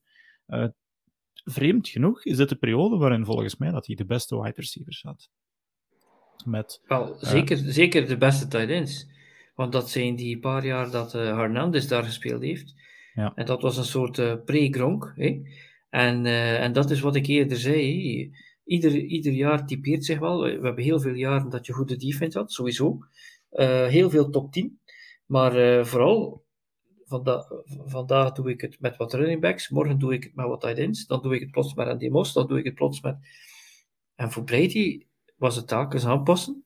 en telkens ja, weinig fouten maken, maar, maar die, die tight ends, want later zijn er teams die dat hebben gewoon willen nadoen. En natuurlijk, ja, met dat drama met Hernandez, als dat niet was gebeurd, ja, dan, uh, ja. dan waren ze voor jaren set, hè, natuurlijk. Nu, we hebben een, uh, een slide ook, uh, voor wie op YouTube of op Facebook kijkt, waarin dat de meest succesvolle wide receiver, de, de, niet de wide receivers, maar gewoon de receivers, die bij Tom Brady een, een touchdown gevangen hebben. Um, ja, de bovenkant valt er een klein beetje af, maar voor wie het. En, uh, ja, je, je, kan deze podcast ook het best zien op een grote um, plasma TV, dan kan je dit heel goed bekijken. Maar uh, als we dan kijken uit die periode, zien we Randy Moss, 40, uh, 40 touchdowns, en Wes Welker, 38 touchdowns. Er zijn een hele hoop namen, Frans, die op die lijst, die zeggen mij totaal niks. Hè. Um, ja, ja, maar, maar wat, wat, er belangrijk is in die lijst is het volgende. Hey, die die, die uh, massive tight ends, zoals Gronk en Hernandez, die staan in de top 10. Maar dan plotseling die uh, slot receivers, die kleine slot receivers. Edelman ja. en Welker. Daar kan ik het ook mee doen. Die branch, ja. dat was ook gewoon... Dan, ja, wie, wie, staat wie daar is ook die in? branch eigenlijk? Want, uh, dat, uh, dat was ook een wide receiver. te die veel ook op gin gedronken, speelde. ja. Ja. Want dan zie je daar een paar spelers. White, dat is wel een running back, hè? 27 passing touchdowns. Dus daar gaat het dus over, hè, dat je al die verschillende types spelers, dat, dat was lekker of dat je ieder jaar krijg je, dit, dit is met wie dat je dit, eh, dit jaar gaat moeten spelen, en je moet zorgen dat het een leuk speeljaar wordt. Ja, dat ga ik doen. Boom. Ja. 12-4. Eh, Ja. weet je, 14-2, 13-3. Ja. Maar dus, eh, die periode dat we het nu over hebben, speelde hij met Randy Moss en met Wes Welker, denk ik, alle twee wel. Hè. Dus dat waren... Ja, Randy Moss is een Hall of Famer. Denk, eh, is hij al gekozen? Ik, ik veronderstel van wel. uiteindelijk. Ja. enfin, Maar Randy Moss is, eh, dat, dat was, je kunt dat niet begrijpen. Als die bij de Vikings gekomen is, eh, de- iedereen die ooit met hem gespeeld heeft, die zegt alleen maar dat is de beste de atleet dat we ooit mee gespeeld hebben. En dan is hij plotseling ergens in een zijstraatje beland bij de Raiders, om dan plotseling daar bij, eh, bij, bij Brady te komen. En dat is dan het voorbeeld. Heeft Brady dan eens een topreceiver, ja, dan gaat hij niet eh, zes touchdowns gooien. Nee, nee. Dan gaat hij een record aantal touchdowns gooien en die man ook gebruiken. Dus dat is natuurlijk ook iets wat je ziet. Ik, ik herhaal dat wel veel, dat Marino, die had vroeger nooit de defenses en nooit running backs, maar eh, had dan wel eh, zijn receiver. Maar eigenlijk, eigenlijk heel breed carrière kun je op één hand tellen dat hij dat... Ik ga het anders zeggen. Als je later gaat zien hoeveel Hall of Fame receivers Brady gaat hebben, dan ga je er misschien, misschien drie hebben. Misschien. eh, wacht, eh Rijn die achter de schermen zit. Kan je die lijst nog eens naar boven halen? Eh, dan kunnen we meteen eens kijken, want als we het dan gewoon receivers Want hebben... Gronk is eigenlijk een tight end. hè. Maar Ah ja, oké, maar ik... Ja, goed, dan... Nee, nee, die Edelman en Welker. Maar het zijn, het zijn inderdaad ook Ja. wel mannen die van, moet ik het zeggen, ja, het waren zeker geen first round picks eh, altijd, of, of ja, free agency eh, toevoegingen. Maar eh, als we dan al, al een sprongetje maken naar 2010, want dan komt eigenlijk Rob Gronkowski bij het team als tight end. en Hernandez. Hernandez, ja, die, die, die spelen een paar jaar samen, inderdaad. Ja. Ehm, en ik denk dat het dan ergens is er ook een seizoen dat, eh, dat, dat, dat, Gronk erbij komt. Dat is 2010, gaan ze 14 en 2. Eh, Brady haalt een MVP, krijgt een vierjarig contract, 72 miljoen. Is een unanimous All-Pro, dus hij speelt op dat moment negen jaar in de league. Dus is dan eigenlijk op dat moment wordt wel erkend als een, een top quarterback, zeker niet gewoon die, die system QB, maar verliest dan in de divisional round tegen de Jets. Dus, ehm, maar dus ja, belangrijk dat jaar dat Rob Gronkowski erbij komt. Ehm, 2011 weer eh, een, een, een, ja, hoe zeggen we het, het hartpijn volgens mij, Timo 2011. Dat, dat is die tweede, tweede verlies tegen de, tegen de, de Giants. Is, is dat eigenlijk de, de helmet catch Super Bowl? Of is dat, Nee, was dat was, die dat eerste? de, de eerste is de helmet catch. De tweede is zo de toe tap van eh, Manningham, Mario Manningham of zoiets. Oh, ja, oké. Toe tap catch. Ah ja, oké. Oh, die helmet catch zit al zo ver in mijn geheugen. Dat is Ehm, 2007. eh, 2000, ja, het seizoen. Ja, T- Tyreek, nee, 2007, eh, ja, Tyreek. ja, ja. eh, Ja, hoe goed. maar eh, de, ook weer Tyreek. Ja, dus 2011 een, een jaar 13 en 3. Tweede verlies helaas in de Super Bowl tegen de Giants. Eh, Eli Manning wint dus gewoon twee Super Bowls tegen de Patriots. Ehm 2012 gaan ze weer 12 en 4. Tiende keer divisiewinst. Dus ja, de divisie is echt wel van hen. En verliezen ze in de AFC Championship game tegen de, de Baltimore Ravens.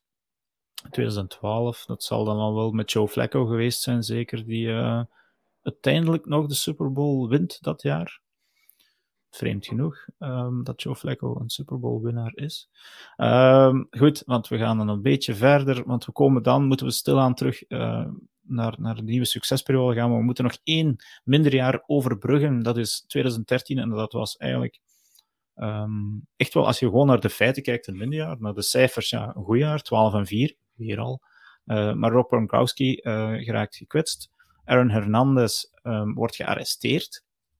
En Wes Welker gaat naar de Broncos. Dus eigenlijk een beetje een, een, een revamp, uh, maar dus toch nog 12 en 4 en verlies in de AFC Championship game 2013 tegen uh, de Broncos, die daarna een gigantisch pak rammel krijgen volgens mij van de Seahawks in de, in de Super Bowl.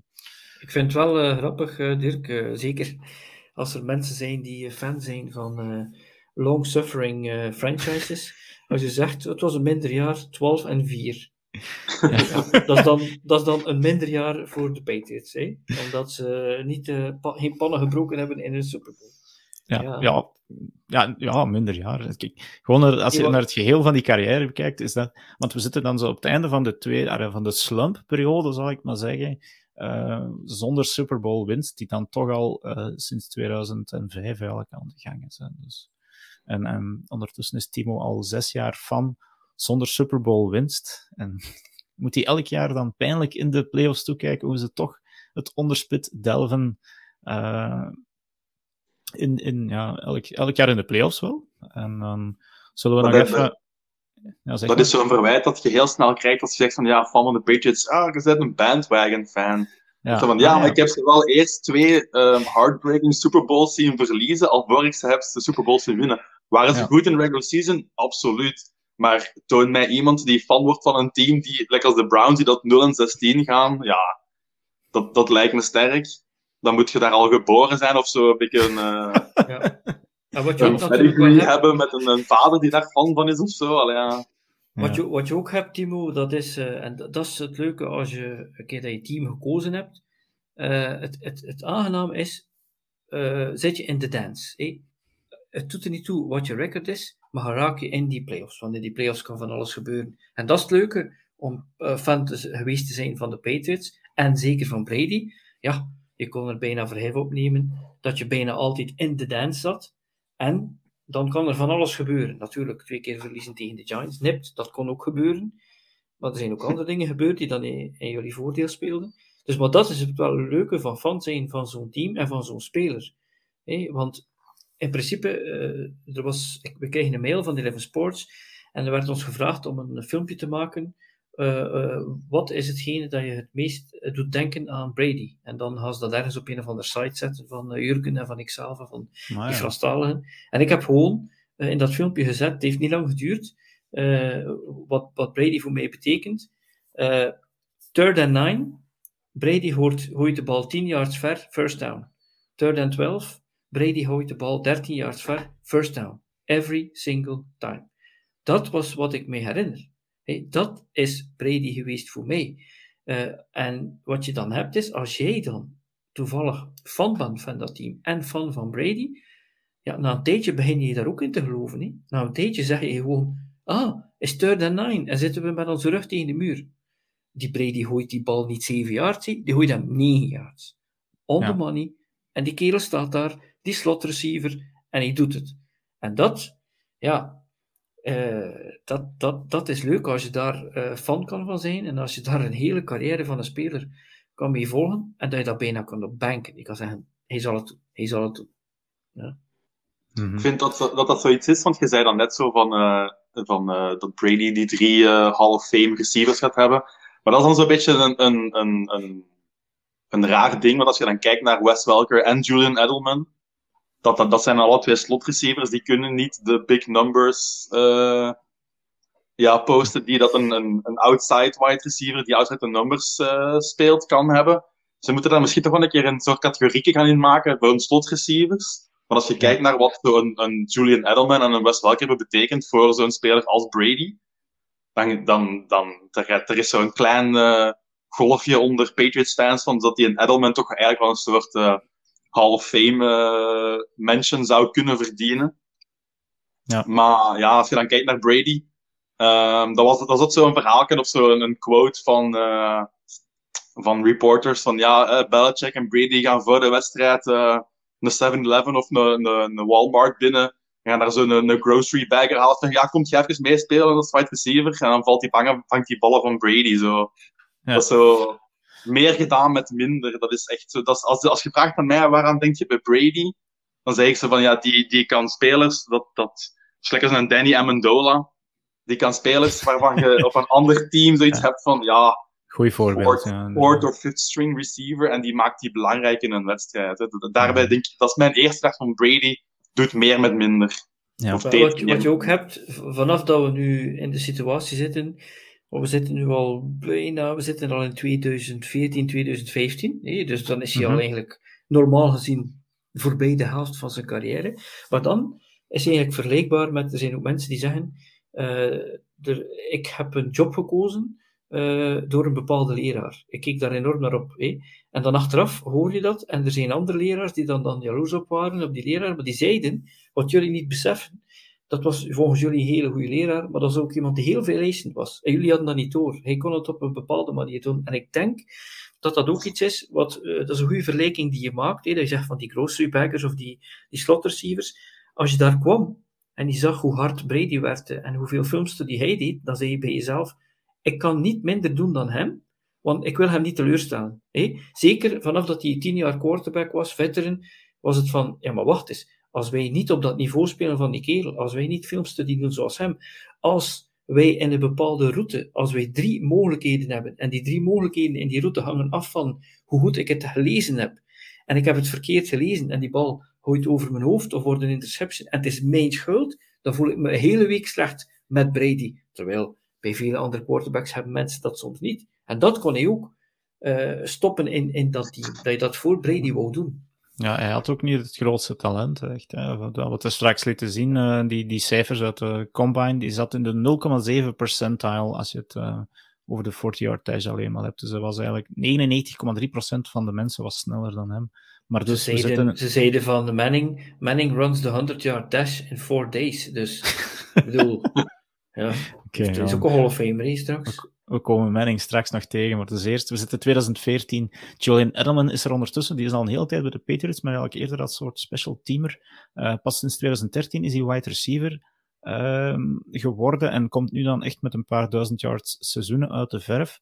Ehm 2014 gaan de Patriots weer 12 en 4. Ze komen weer in de Super Bowl terecht. En ja, moeten zeggen zoals dat het is. Frans, ik weet niet of jij bij die Super Bowl aanwezig was, maar het Ja. had er alles van op dat moment dat ze ook die Super Bowl niet gingen winnen. Want dat was het tweede jaar dat Russell Wilson en de Seahawks in de Super Bowl stonden. Maar ik denk dat we allemaal wel weten wat er toen gebeurde. Maar Frans, het, het- in het stadion op dat moment, hoe ging het? Ja, was, was daar de vibe van: oké, dit, dit is voorbij? Ik heb dat nog nooit, eh, nog nooit meegemaakt in een stadium, hoe plotseling de lucht werd gezogen. Eh, er, er gebeurt daar iets. Er was ook niemand die begreep wat er gebeurde. Want men had ook niet eerst door dat het een onderschepping was. Versta je? Ja, ja, ja. Hey, eh, Butler komt daartussen. En dan, want het was third down, denk ik. Hè? Third, Third down, down. second down. Ja. Ja, En ja. Butler komt daartussen. En je hoort natuurlijk oh, dat ge- gejoel. en- Maar je hebt, want je, ja, in een stadium zit je tamelijk hoog. Ik had eerst niet door van. En dan zie je dat het een onderschepping is. En later heb ik dan de reactie van Brady gezien. Je Ja, ziet die gewoon zo dat staat te Brady, springen op de zijlijn. Zo echt die zo had er Ja, met, ja, die met had, Garoppolo. ja, die had zich een paar seconden daarvoor al bij neergelegd. Ja, die Marshall Lynch loopt hier binnen en we zijn gezien.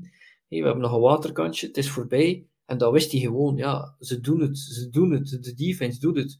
En dan Mhm. natuurlijk heel dat verhaal rond het feit dat Butler tijdens practice, ze hadden dat ook gefilmd, vijf, zes keer in zo'n play geburned was, of, of de verkeerde deed, maar het in de Super Bowl herkende. Ja, natuurlijk, dat was een ongelooflijke fucked-up call van de Seahawks. Ja. Maar dat doet er niet toe. We winnen, ze winnen. Dus ja, Timo, eindelijk na hoeveel jaar fandom een Super Bowl winst? Uh, dat was ja, zeven jaar dan. Hè. Zeven jaar, oké. Okay. Ja, er zijn heb er je die, heb je die live gezien? Heb je die live gezien? Live, live gezien, ja. Politie aan mijn deur gehad, letterlijk, echt waar. Echt? Letterlijk, echt waar. Dat was de, die, die, die, play aan, die, de wedstrijd aan het kijken. Nu, de play daarvoor, uh, de linebacker, ik denk dat het Hightower was, ik ben niet 100% zeker, maakt daar echt een play op uh, Beast Mode, die ja. ook een touchdown prevent. Ah, ja. uh, daar wordt nooit over gepraat, maar dat was minstens even belangrijk. Oké, okay, die interception, dat is natuurlijk de game sealer. maar dat was ook... Maar dan, ja, Malcolm Butler doet naar die interceptie en ik spring recht uit mijn zetel, ik begin te roepen en te brullen. En uh, zo een kwartier later, ja, ding dong, ja, politie, de buren hebben gebeld. Uh, zo. Ja, echt? sorry. Letterlijk, ja, politie. Echt, waar gebeurd, waar gebeurd. Ja, top uh, ja, maar dat was, dat was echt, ja, even zot worden, ja. Inderdaad, onverwacht dus eigenlijk. Ja, dus de ja je, ziet, je ziet die zo, de, de, de field dan, je ziet dan zo, ja, die staan aan de goal line met beast mode, hebben die net maar niet kunnen stoppen. Ik had ook nooit, echt, echt nooit gedacht dat die daar een passplay gingen doen. Oké. Niemand, niemand denk als, ik. als dat lukt, dan is, dat, dan is uh, Steve Carroll een genius natuurlijk, want hij heeft dat dan gecalled. Ja, nu is hij de schlemiel van de, van de eeuw in de NFL, denk ik. Met ja, weer, weer een Dynasty de, de kop ingesmoord. Uh, ja. ja. Dat weet ik niet. Uh, maar goed, dus ook, dat was de laatste Super Bowl winst van Russell Wilson en de Seahawks. Het jaar daarvoor dus. En ook de laatste Super Bowl verschijning. En het ziet er niet naar uit dat dat snel terug gaat gebeuren. Maar het was wel de vierde Super Bowl winst, dus eigenlijk op dat moment voor Tom Brady, waarbij hij op gelijke hoogte kwam met Joe Montana en uh, Terry Bradshaw. Ik denk dat Terry Bradshaw dat hij in de hoofden al wel voorbij gestoken was, maar Joe Montana werd volgens mij op dat moment toch nog altijd aanzien als een grotere quarterback. Bradshaw, uh, Bradshaw is altijd aanzien als uh, dat het door zijn defense was. Hè. Die gasten hebben ja. daar op een bepaald moment een draft gedaan, dat ze gewoon vier uh, Hall of Famers hebben gedraft op defensive line en, en drie offensive linemen. Dus Bradshaw, terwijl dat geen waar was, Bradshaw was een uitstekend quarterback en een hele slimme ook, want vergeet niet, die kerels callen hun eigen plays. Ja. Ah, ja. Ook Montana, hè. Montana heeft gewoon, dat, daar was geen headset, hè in het begin van zijn carrière. En hij heeft ze alle vier ook gewonnen. Dus ja, inderdaad, op dat moment was het nog altijd fijn. Hij heeft er vier gewonnen, maar ook twee verloren. Dus hij is ergens in het pantheon van de top vijf, maar zeker niet de beste op dat moment. Hè. Ja. Nee. Dat, dat, uh, dat hield dus ook tegen Brady, hè, dat Montana zijn plays uh, zelf calde. Want ja, Montana heeft het allemaal zelf gedaan. Hè. Hij, moest, hij calde de plays zelf. Dat was echt zo de, toen de discussie in de GOAT-debate begon tussen Montana en Brady, was dat altijd zo een van dingen, ja, 4-0 tegen 4-2 of 5-2. En uh, hij calde zijn play zelf. So, dat was echt zo de, ik, ja, de ik denk niet verdediging we... tegen, voor Montana tegen Brady. Zo. Ik denk niet dat we Tom Brady kunnen verwijten dat hij een dommerik is. Zeker niet. Want iets nee, dat ik dus straks niet vermeld heb. Hij heeft, toen hij dus dreigde eigenlijk um, zonder werk te vallen. Hij vreesde dat hij verzekeringsmakelaar moest worden.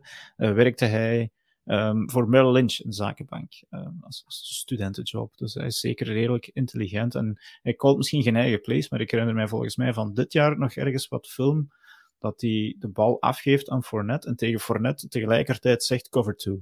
Ja. Omdat hij dus eigenlijk ziet van, oké, okay, ja, die, die defense staat er. Ik weet niet of Fournette er dan iets mee doet, buiten kop en kaas en vooruit. Ja, en ook audibles natuurlijk. Hè. Dus ja, die called ook die audibles als die, wat dat die ziet. En, uh... Ja. Goed, we gaan uh, weer een sprongetje vooruit. 2015. Uh, te vermelden, dat jaar komt die Flategate uit. Ik, uh, ik ga er niet te veel woorden aan, aan vuil maken, buiten het feit dat uh, in de wedstrijd dat die Flategate uitkomt, dus dat de Patriots verweten wordt, dat ze de ballen platter zetten, want iedereen mag zijn eigen ballen gebruiken dan de tegenstand, en dat die dan makkelijker te vangen zouden zijn tijdens de rust dat dat eigenlijk uitkomt in een, dat dat de EFC Champion, een wedstrijd is tegen de, tegen de Colts in de playoffs. Ja. ja. Um, worden, um, worden de ballen bijgepompt en krijgen de Colts nog, ik denk, 24 punten om de oren. En verliezen ze dik. Dus ik denk niet dat. En het, het was puur omwille van dat, uh, zogezegd, achteraf de NFL soft gereageerd had op Spygate. Dat ze bij die Flakegate uiteindelijk toch uh, Brady een, een, een heel aantal, uh, toch, toch, toch volgens mij vier speeldagen geschorst hebben, miljoen dollar boete en een first round pick kwijt. Dus ja. ik, eh, ik, Het ging, want- het, het ging ook in, die, in heel dat toestand, want uiteindelijk, die, die ballen, eh, meer of minder, ja, dat is, dat is eigenlijk een beetje nitpicking. Het ging er meer over, eh, over het eh, verbergen van sms'en en dat soort toestanden. ja, dat, omdat hij zijn gsm niet wou afgeven en dan had vernietigd. ja, Dus dat, ja, dat, dat geeft natuurlijk wel een bepaalde twist aan het hele verhaal. dat is een gsm vernietigd. Ja, dat, dat is, dat is de, de, de, story, zeg maar. Dat, eh, dat, dat NFL had gevraagd om zijn gsm in te kijken, maar dat hij zei van, ja, ik heb die niet meer, ik heb een nieuwe. De En waar is die oude? Waar is die oude? Ja, kapot. Ja, En uiteindelijk, ik ben zelf quarterback geweest. Eh, ik had geen zo'n grote handen. Voor mij was het ook beter dat er een bepaalde druk was van de bal. Ik bedoel, ja. maar ik gooi met die bal en, en de ander heeft daar geen last van, want je hebt gewoon je eigen ballen waar je mee gooit. Ik bedoel, Ja. Ja, Aaron Rodgers was hem daar ook een beetje in de verdediging geschoten voor Brady dan, dat hij zei van, ja, ik heb de ballen graag iets harder, eh, of net boven de limiet harder. Dus ja, alle, elke QB heeft zijn voorkeur, neem ik aan. Ja, het En ging dat, over ja, bepaalde wat je- pounds per inch. hè, want Dus het ging, ja, enfin, ik vind dit eigenlijk een non-schandaal. Ondanks het feit dat de straffen eh, die voor Deflategate zijn uitgesproken strenger zijn eigenlijk dan voor Spygate. Dus, Ja, daar is ook dan nog zo, eerst nog een hele rechtszaak aan vooraf gegaan, nog in de public court en dergelijke, maar door de, de CBA, de Collective Bargaining Agreement van met de Player Union, mag Goodell straffen, hè. Ja, ja, het is inderdaad ja. Goodell. En Goodell bij Spygate zat nog eigenlijk in het begin van zijn commissionership. Ja, ja, dus, ja, eh, toen is het zo'n beetje ja, was soft gereageerd, dus misschien daarom. Maar, dat maar je ziet wel, eh, ja, je ziet ook wel, maar, ja. natuurlijk- je ziet ook wel dat als je dan die evolutie ziet van de, de Patriots, dan is het zo van die, die drie Super Bowls in het begin in die vier jaar. Eerst was men voor de Patriots, want ze hadden die Greatest Show on Turf verslaan. En Ja. dan, ja, ze zijn een soort dynasty, maar iedereen zei, ah, en nu is de dynasty voorbij. En het feit dat de Giants tegen hen wonnen, ah, dat was dan een feel-good story. eh, dat, eh, wat is het weer van eh, David en Goliath. eh.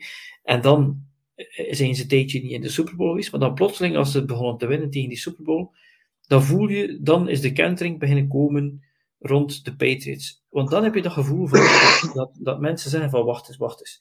Eh, we hebben die eh, Steelers Dynasty gehad, die 49ers, die Dallas, dan die Patriots. En nu, oh, ze zijn daar terug, en met diezelfde quarterback. En we, nee, we kunnen dat niet aan, dat dat hier weer de Patriots zijn, en dat we daar weer moeten zitten op kijken.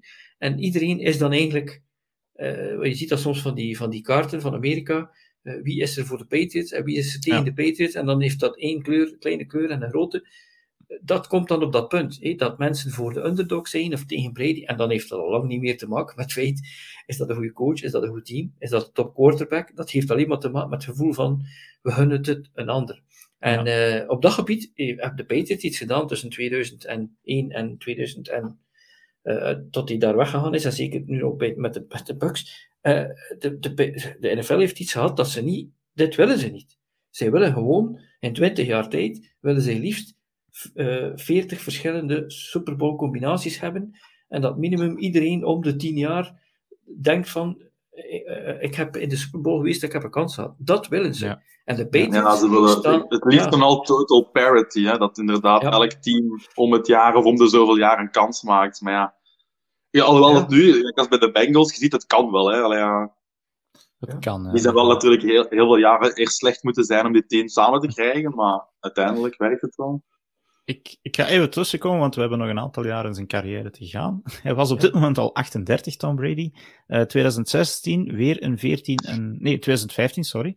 Een 12 en 4 eh, seizoen. Verlies in de AFC Championship game tegen de Broncos van eh Peyton Manning, denk ik, op dat moment, die dan de Super Bowl uiteindelijk zal winnen. Stopt. Ehm 2016 14 en 2, weer al. En dan bereiken ze Super Bowl 51. En Frans, was jij bij die Super Bowl tegen de Falcons ook in het stadion aanwezig? Of, ehm, Ja, en ik heb een statistiek voor je, want dat seizoen hadden ze de nummer 1 defense, om te beginnen. Eh, Brady heeft 28 touchdowns gegooid in dat seizoen. Eh raad is hoeveel onderscheppingen. Goeie. Ja, ik heb dus Heeft voor ik 12 zou, ik zou kunnen, ik zou kunnen cheaten, kun je. eh, Twee. Twee. Ja, weinig. 12 wedstrijden. dus dan, Ja. dan, dan heb je al zo'n gevoel. En ik was inderdaad in die Super Bowl. Het is heel raar. Ik ken natuurlijk voetbal nu al een tijdje. Ik zat naast een paar mensen. Ja, ik zat niet naast. eh, dat, waren gewoon mensen die ook aan het kijken waren. Eh, de Falcons die hebben op een bepaald moment een drive. En die staan ergens. En die hebben een play. En ik denk dat ze zowel een penalty en een sack hebben die hen achteruit drijft. Oké. En op dat moment zijn ze out of field goal range. Het is, het is, het is 28-3, denk ik dan. En ik zeg tegen die persoon tegen mij, game over. En zegt die persoon tegen mij, wat bedoel je? Ik zeg, de Patriots will win. En die mens zegt, maar dat kan toch niet? Ik zeg, nee. Ik zeg, als je niet beseft, als headcoach of als offensive coordinator, hé, dat was dan Shanahan, hé, als je niet beseft dat dit met 28-3 niet het moment is om te klooien, ook Ryan natuurlijk zelf, en er gewoon voor te zorgen, je bent al in field goal range. Als het 31-3 is, 28 punten. Dan moet je al van, van, van sterke huizen zijn om dat te kunnen doen. En nee, eh, dat slaagt dan niet. Dan komen ze terug. Natuurlijk, ze moeten dan iedere keer een touchdown maken, een two-point conversion. Dus ik weet niet hoe jij daarin stond, Timo. Dacht jij van, wij kunnen dat nog? Terug de politie aan zijn deur. Eh, nee, die Super Bowl. Ik was die Super Bowl was ik, eh, was ik alleen. Normaal kijk met, met, eh, met vrienden. Super Bowl was ik, eh, was ik ziek, was ik thuis alleen aan het kijken. En dan lag ik zo in mijn zetel miserabel te wezen. En uw team staat dan eh 28-3 achter. En dan denk je van, wat ben ik hier aan het doen? Gaat toch uw bed in? Maar het dan uiteindelijk toch niet gedaan. En, en heel blij dat ik dat niet gedaan heb. Want dan, ja, dan die ommekeer. Ik, ik kan het echt niet meer... als je, als je op die moment eh, had je geld gezet op eh, Patriots winnen nog, dan wacht je. Ja, Nee, ik, Ik ga, je, ga je een andere vraag stellen. Als het, dat is misschien het, eh, dan kun je misschien wat gevoel je dan had. Toen je het overtime was, hè, dacht je dan, nu winnen we? ja, echt wel. We winnen die coin toss. Ja. En dat was echt van, ja, march down the field, touchdown, game over. Ja. Toen was het echt van, als de, die coin toss, zelfs, ik denk zelfs als we die coin toss hadden verloren, de defense was gewoon zo goed. Die, Matt Ryan zijn confidence was shot all to hell. Ja. Ik denk echt dat zelfs hadden we die coin toss verloren, dat we nog gewoon een 3-and-out hadden gedaan. Punt, en down the field, touchdown. Dat- Toen dat die, touchdown, eh, toen dat die coin toss was gewonnen, eh, was het wel van, oké, ja, nu hebben we ze.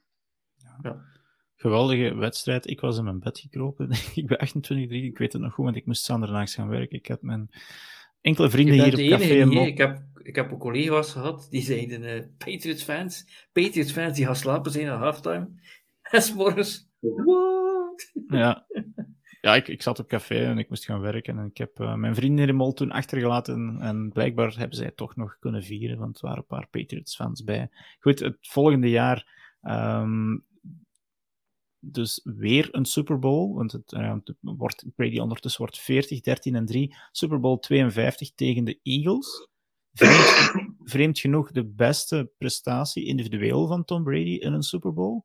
Met meer dan 500 yards passing, drie touchdowns, geen interceptions. Maar toch 41-33 verlies op de Philly Special van Nick Foles, die er een standbeeld voor gekregen heeft in Philadelphia. Eh, vreemd, een beetje atypisch, dat we ze dus 33 punten scoren, de Patriots, maar 41 om de oren krijgen. Ehm, ja, dat is toch atypisch eigenlijk, want normaal gezien, sterke defense, dit gebeurt niet. En, en toch Nummer 5 wedstrijd- defense dat jaar, nummer 5. Nummer 5. Dus ja, niet hoog genoeg. maar toch vreemd eigenlijk, hè? nummer 5 zou je zeggen. Van... Ja, en dat was ook de, de Super Bowl zonder ehm, Malcolm Zonder- Butler. Ah ja, oké. En zonder Die dan, defense, eh, dat, dat ging zijn zonder defense. Ja, d- daar leek het een beetje op wel, ja, uiteindelijk. Ik heb Maar nog dan, een eh, Super Bowl gezien waar, waar die bal heel de tijd maar vloog en iedereen maar liep. Ik dacht, oh, waar is die defense hier? Ja, het was een Maar aantrekkelijke ja. wedstrijd hè, voor te zien. Maar dan Ja, dat hangt, eh, er, dat hangt er vanaf dat zoals die Super Bowl de volgende dan eh, zo een defensieve show was, dat, dat, dat kan ik even goed appreciëren. ja, dat vond Ik ik snap dat dat voor de meeste kijkers echt absoluut eh, saai moet zijn, maar ja, dat... Ja, dat, dat gaat dan eh, over de volgende Super Bowl inderdaad. We maken direct het sprongetje 53 tegen de Rams, 13-3. Eh, ik kan mij alleen maar die, die pas naar Rob Gronkowski herinneren van die wedstrijd eigenlijk. eh, waardoor dat ze uiteindelijk de beslissende score kunnen gaan maken. 13-3 winst, dus ja, Sean McVay ehm, grabs his pants nadat hij voor de wedstrijd Bill Belichick uh, zijn grote voorbeeld genoemd heeft, heeft hij al veel spijt van gehad, denk ik. Um, dat, was, dat was gewoon een saaie wedstrijd, hè. je moet zeggen wat het, wat het was. Um, ik, ja, ik, snap je, dat, dat, ik snap dat je dat, dat, dat zo gezien wordt, dat ze zeggen van het is echt de slechtste Super Bowl aller tijden, maar het is gewoon een hele goede defense dan. Allee, ja. ja, goed. Het nee, was nee, het... echte, echte slechte, slechte Super Bowls zijn uh, wat was het, 55? Ja, die blowouts. Ja, die, het was, en, het was ja, spannend. Ja. Het was spannend. Nou, ja. nou wel, nou. Ja. Maar uh, als je dan... Uh, maar ik had nog een vraag over die tegen de Eagles. Hey, Oké, okay, ja, dat, dat, dat, was dan een offensive fireworks show. Maar jij als linebacker natuurlijk, verwondert je jou dat? Dat de, de Patriots de Eagles gewoon niet konden onder controle houden? En Nick Foles denk, een backup QB, hè? Dus, ja. Ik denk als je die, die, die rosters naast elkaar zou leggen, dat dat, dat Eagles team was echt underrated wel. Hmm. De, die, dat was echt een goed team. Oké, okay, normaal gezien met Carson Wentz als QB en nu met Nick Foles. Nu hebben we dat al vaker gezien, dat wanneer een, een backup overneemt, dat hij het even goed doet, omdat ze daar geen tape op hebben, of toch niet zoveel tape op hebben, en dat hij het zo'n beetje ja. kunnen playbook wat moeten omgooien en dan zijn de andere teams minder goed geprepared. Nu dat terzijde, aan die Super Bowl ik zoiets van, ja, de Patriots waren, ik weet niet meer of ze favoriet waren of niet, ik denk het wel. Maar dat Eagles team was echt niet slecht. Dat was echt geen slecht Eagles team. Nu dat, die een, dat, een, dat een Patriots Bill Belichick defense zo wordt ge, ja, geburned, echt kapot gemaakt, dat, dat, dat, dat, dat ziet je niet vaak. Dat zoals uh, dit jaar die wedstrijd tegen de Bills, was ook, dat was een van de ja, pak derde of vierde keer dat Belichick zoveel punten had opgegeven in een wedstrijd sinds dat hij Patriots head coach was. Dus ja, dat verwacht je niet en zeker niet in een Super Bowl, maar ja. Nee. Oké, um, we zitten bijna aan het einde van zijn carrière. Uh, 2000 19 zitten we uiteindelijk dan, ja, dat is eigenlijk nog maar twee seizoenen geleden, 13 en 3, weer al 8 0 start. Dus weer al Patriots lijken door het seizoen te vliegen, maar dan sputtert de motor en verliezen ze in de wildcard tegen de Titans. En dan ja, het grote moment dat Brady niet bijtekent, want uh, ja, hij kreeg maar een contract voor, voor nog één jaar, het jaar daarvoor, en, er was een out naar 2019. En ja, wat bleek, hij vertrok wel degelijk. Um, Timo, je was je quarterback kwijt op dat moment. Ben je hem meegevolgd als fan? Uh, ik ben geen uh, Tampa Bay fan geworden. Nee, maar persoonlijk dan eigenlijk. Ja, ik bedoel, uh, van mij mocht Brady elke wedstrijd winnen, behalve als hij tegen de Patriots zou spelen. Ja, ze hebben helaas maar één keer tegen elkaar gespeeld en daar... En dan nog, en dan nog bijna verloren tegen ons ook. Dat is nou echt Ja, oké, okay, ja. Frans zou zeggen, by an inch or by a mile verliezen is verliezen. Zwaar, ja. Uh, nee, je, hebt wel, je hebt wel even de Miami-fans tekort gedaan in dat seizoen dat ze dan uh, 8-0 starten en tegen de Titans, uh, want dat was toen de Miami Miracle, hè. Ja, in die ja. laatste wedstrijd, daardoor moesten ze tegen de Titans en hadden ze geen paai. En... Daar hebben wij een gezamenlijke herinnering aan, Frans. Dus ik zie je daar ja. nog altijd staan in Antwerpen kijken naar die tv. Van, ja. kijk, de, de Dolphins, we hadden toen een, in onze eerste AFCB-bijeenkomst, waarbij dat we trouwens besloten hadden toen dat we deze podcast gingen doen. En uh, ja, plots wonnen die Dolphins daar tegen de, de Patriots. Uh, wat ook tot gevolg had dat uh, de Chiefs, die uiteindelijk de Super Bowl zouden winnen, een bye kregen. En dus de Patriots ja, ja, kon, konden niks meer klaarkrijgen. En, en het was gedaan eigenlijk hè, voor Tom Brady en de Patriots. Dus na 20 seizoenen zat het erop. En ja, dan, maar, dan. Maar ja. wat je ook ziet is, wat Brady gedaan heeft, dat is nu natuurlijk een template voor de Rodgers van uh, deze tijd, uh, de Wilsons. Wat je gaat zien is, is dat, oké, okay, om te beginnen, vroeger uh, ging je zeker niet tot je 40 spelen, heel weinig nee. quarterbacks. Als je dan toch geluk had om dat te doen, fine. Maar je hebt ook gezien, bijvoorbeeld Manning, die die laatste Super Bowl heeft gewonnen die hebben die Super Bowl gewonnen on, ondanks Manning. Hè? Want uh, uh, ja. in de Super Bowl zelf was het vooral zijn defense. En dat kan je met Brady niet zeggen. Maar nu zit je natuurlijk met een situatie dat Brady iets heeft gedaan. Uh, waar natuurlijk een soort template is. Brady heeft gezegd: Ik ga kiezen. en dan heeft hij gezegd: Oké, okay, naar welke divisie ga ik gaan? Wel, hij wist dat het niet goed ging bij de Panthers. Hij wist dat het niet zo goed ging bij de Falcons. Mm -hmm. Hij wist dat op de web zat bij de Saints. Dus dat, had hij sowieso al een, een, een minder goede dingen. Dan wist hij ook dat er wat jonge quarterbacks zaten aan te komen in de AFC. Dus dat is een goede keuze dat hij gedaan heeft. Plus, dat is nu al toch een paar jaar dat men zegt, dat is een van de beste offensive line. Daar zitten een heel hoop top uh, verdedigers en dan die passcatchers. Als je ziet wat er gebeurt zonder die Godwin bijvoorbeeld, die Godwin is zo'n belangrijke receiver. Mm -hmm. Krijgt hij natuurlijk ook nog Gronk en Evans. En, dus ja, hij, hij, heeft, hij heeft kunnen kiezen. En, en het feit dat ze dan uiteindelijk in de Super Bowl beland zijn en die dan ook winnen tegen, dat we zeggen, de heir apparent uh, Mahomes. Mm -hmm. En dan met zo'n grote score winnen. Ja, dat is natuurlijk dan. En dan begint iedereen te zeggen: ah, zie je het, het is Brady en het is niet uh, Belichick. Brady ja. wist 100% zeker, als ik bij de Patriots was gebleven met wat ik daar heb, daar haal ik geen Super Bowl meer. Ik dat wil daarvoor niet zeggen dat hij wel wist dat hij met de Bucks zou halen, maar je moet nog altijd voorbij bepaalde teams, zoals de, de, de Packers geraken en zo. Maar hij heeft daar een keuze gemaakt die slim was. En ja, dat hij dan nog een Super gewonnen heeft, dat is ongelooflijk eigenlijk. Ja, ik, ik ga het een stapje verder nemen. Hè. Um, is de, de, de, de Tampa Bay Buccaneers van vorig seizoen, is dat het beste team waarvoor hij heel zijn carrière gespeeld heeft? En, en dan durf ik eigenlijk het 2007 team er niet naast zetten, want dat, dat, dat ken ik niet goed genoeg eigenlijk. Maar ik heb dus nog wel, ja, dus je hebt aan de offensive side, vorig jaar had je dan Gronk, had hij meegekregen uit, uit New England. Hij had, had Godwin, hij had Evans, hij had uh, Antonio Brown, die nog even tussen twee uh, stondes van, van gekheid even gezond was eigenlijk. Uh, en hij had dan die top defense, top offensive line. En ze winnen dan ook inderdaad met 31-9, wat atypisch is voor Tom Brady, dat hij dus overtuigend een Super Bowl wint met, met ruime cijfers. En ja, ze hadden de eerste wedstrijden volgens mij nodig om onder stoom te geraken. Mijn idee is dat dit het beste team was dat hij ooit voorgespeeld heeft. En dat het daarom inderdaad ook ja, tussen haakjes iets gemakkelijker was. Een team dat een QB away is, eigenlijk, om daarvoor voor in te vallen. Dus ja, Frans, ik weet niet, uh, vind jij dat het beste team? Of, of? Wat je ziet is, ik denk dat hij in 2003 en 2004, dat hij dan een, uh, een top defense heeft. Hè. Daar zat Willie McGinnis bij, uh, Vrabel. Dat, dat, dat ah, was een defense, dat, dat, dat, dat was een, als je het, het volledige team bekijkt, dat was ongelooflijk team. Maar ik denk ook dat jaar met Randy Moss, dat is vergelijkbaar met wat hij bij de Bucks had. Maar anders, voor de rest van zijn carrière, heeft hij buiten het jaar met Randy Moss, heeft hij nooit de wapens gehad die hij bij de Bucks had. Dat is juist. Ja.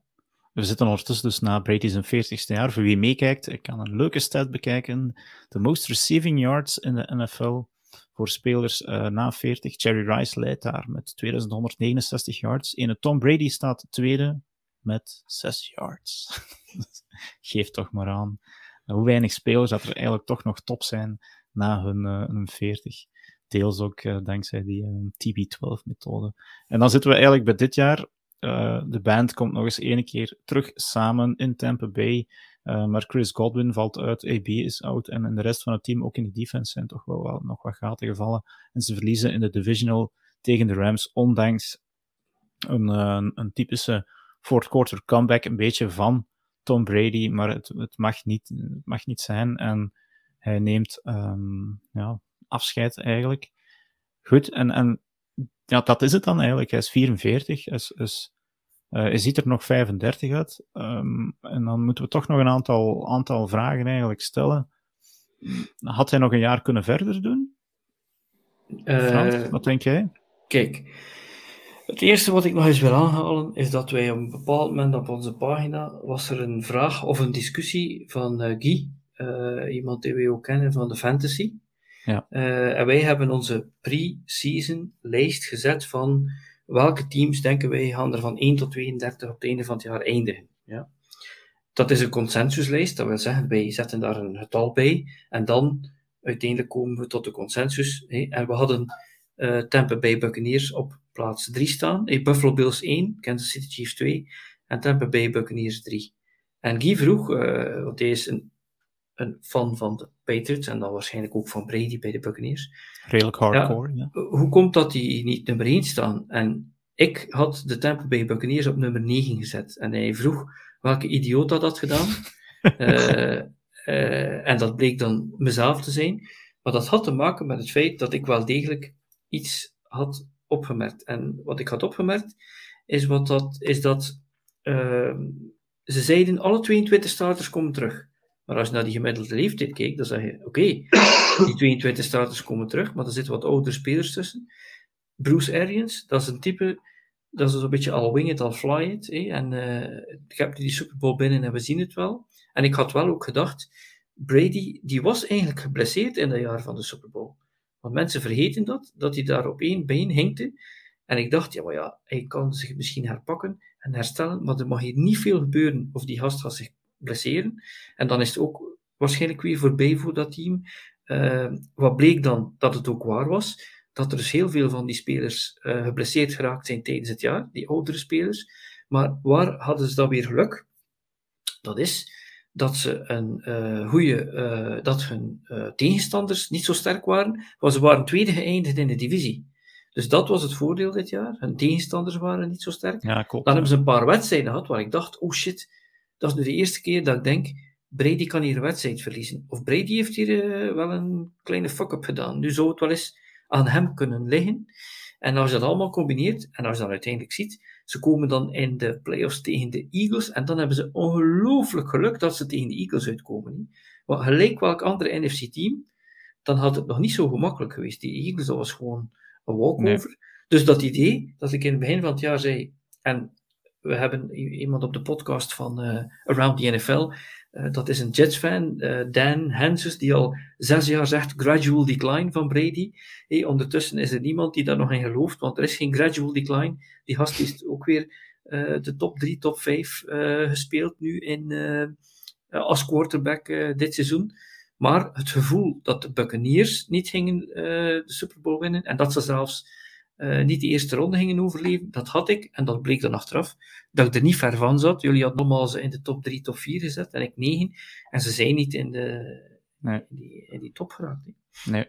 Misschien nog even uh, eventjes terug. Um, ja, fijn. Uh, Tom Brady zijn laatste jaar haalt hij eigenlijk zijn beste statistieken nog, nog uit zijn carrière. En mm. iets, iets waar ik zeker ook nog even op wou terugkomen, Rijn, je mag die, die slide misschien terugzetten, waarbij dat de drie carrières van Tom Brady bekeken worden. Want er, er, is dus iemand en die noemt, de, heeft drie Hall of Fame carrières, zo gezegd. Dus een, uh, die drie delen die we er straks overlopen hebben: een Troy Aikman fase, een Dan Marino fase, en dat gaat pijn doen, die vergelijking bij Frans, dat weet ik. Hm. En een, een, Joe Montana fase. Dus dat die eigenlijk. En ja, moet je dan goed op, op YouTube uh, of op Facebook kunnen kijken, maar hij haalt Um, in de eerste fase vijf divisietitels, in de tweede fase zes divisietitels, in de derde vier divisietitels. Um, maar hij haalt wel in die laatste fase, dus dat hij de laatste jaren bij de Patriots en bij de Buccaneers had, um, vijf Super Bowls, waarvan hij er uiteindelijk vier weet te winnen. Is die, die laatste fase, is hij daar toch geëvolueerd naar een, een, een, een cerebrale superspeler eigenlijk, die gewoon zo slim is om, om het spel te lezen samen met Bill Belichick, dan nog eens bij de Buccaneers en gewoon zo slim is om in een goed team terecht te komen. Um, dat, dat vind ik persoonlijk de meest indrukwekkende fase eigenlijk uit zijn, zijn carrière. Um, Timo, ik weet niet, ja, je hebt dan fase 2 en 3 meegemaakt uit, uh, uit die, die carrière. Wat, wat denk jij ervan? Ben je meer onder de indruk van die periode dat hij eigenlijk weinig won, maar heel goed was? Of veel won en ja, eigenlijk ook nog altijd goede cijfers had?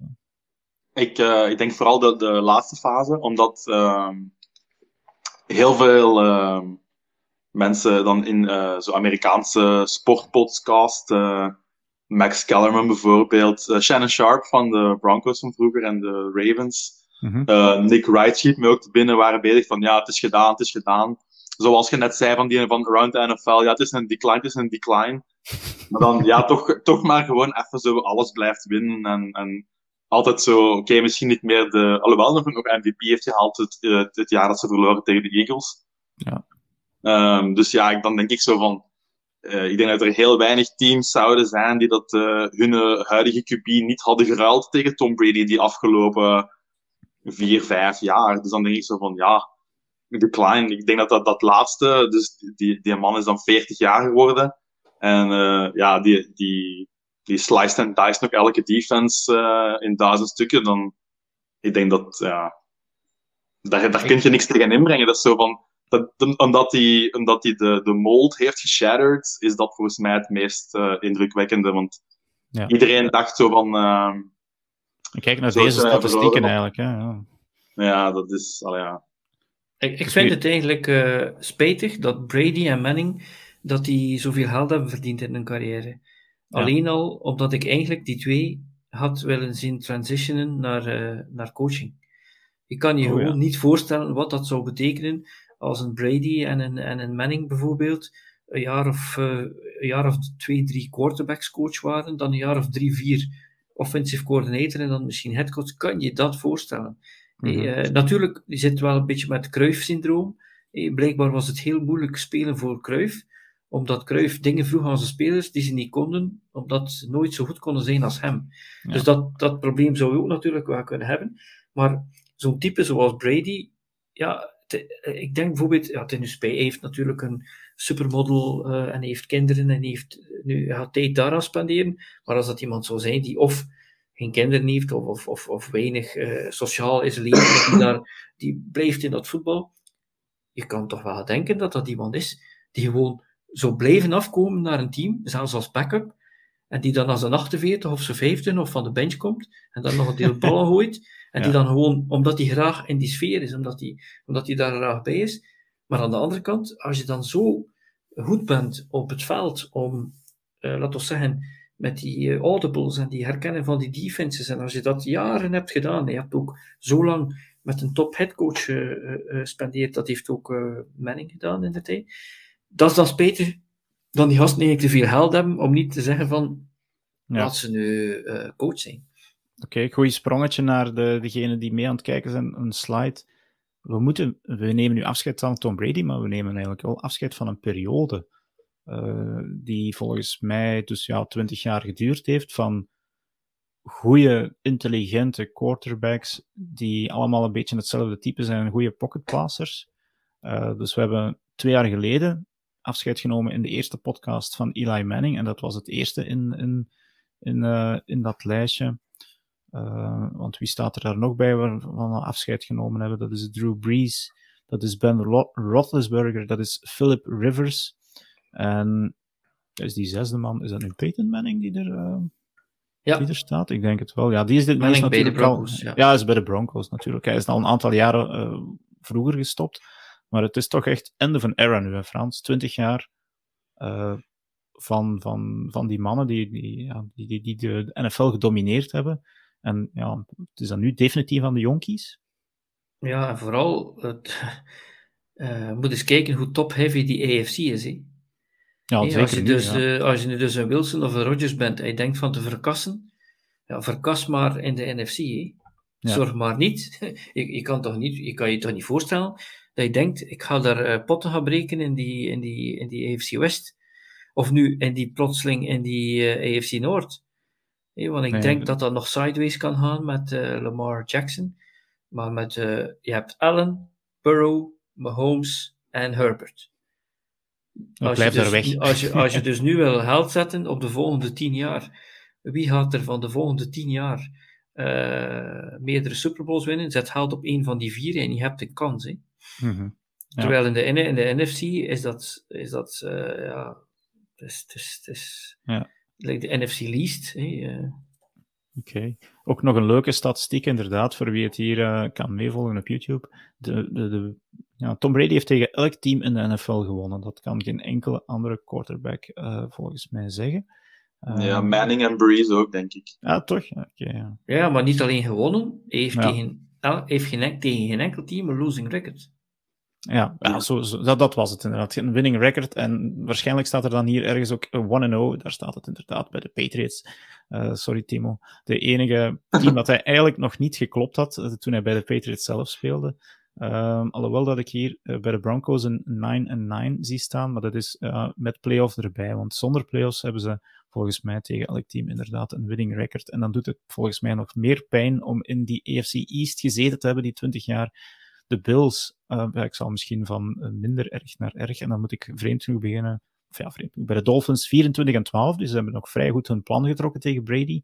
Uh, de Jets hebben 31 en acht eigenlijk om hun oren gekregen. Maar de Bills van de 36 keer dat ze tegen Brady gespeeld hebben, 33 keer verloren en drie keer gewonnen. En volgens mij is dat dan nog twee van die drie in de laatste twee jaar.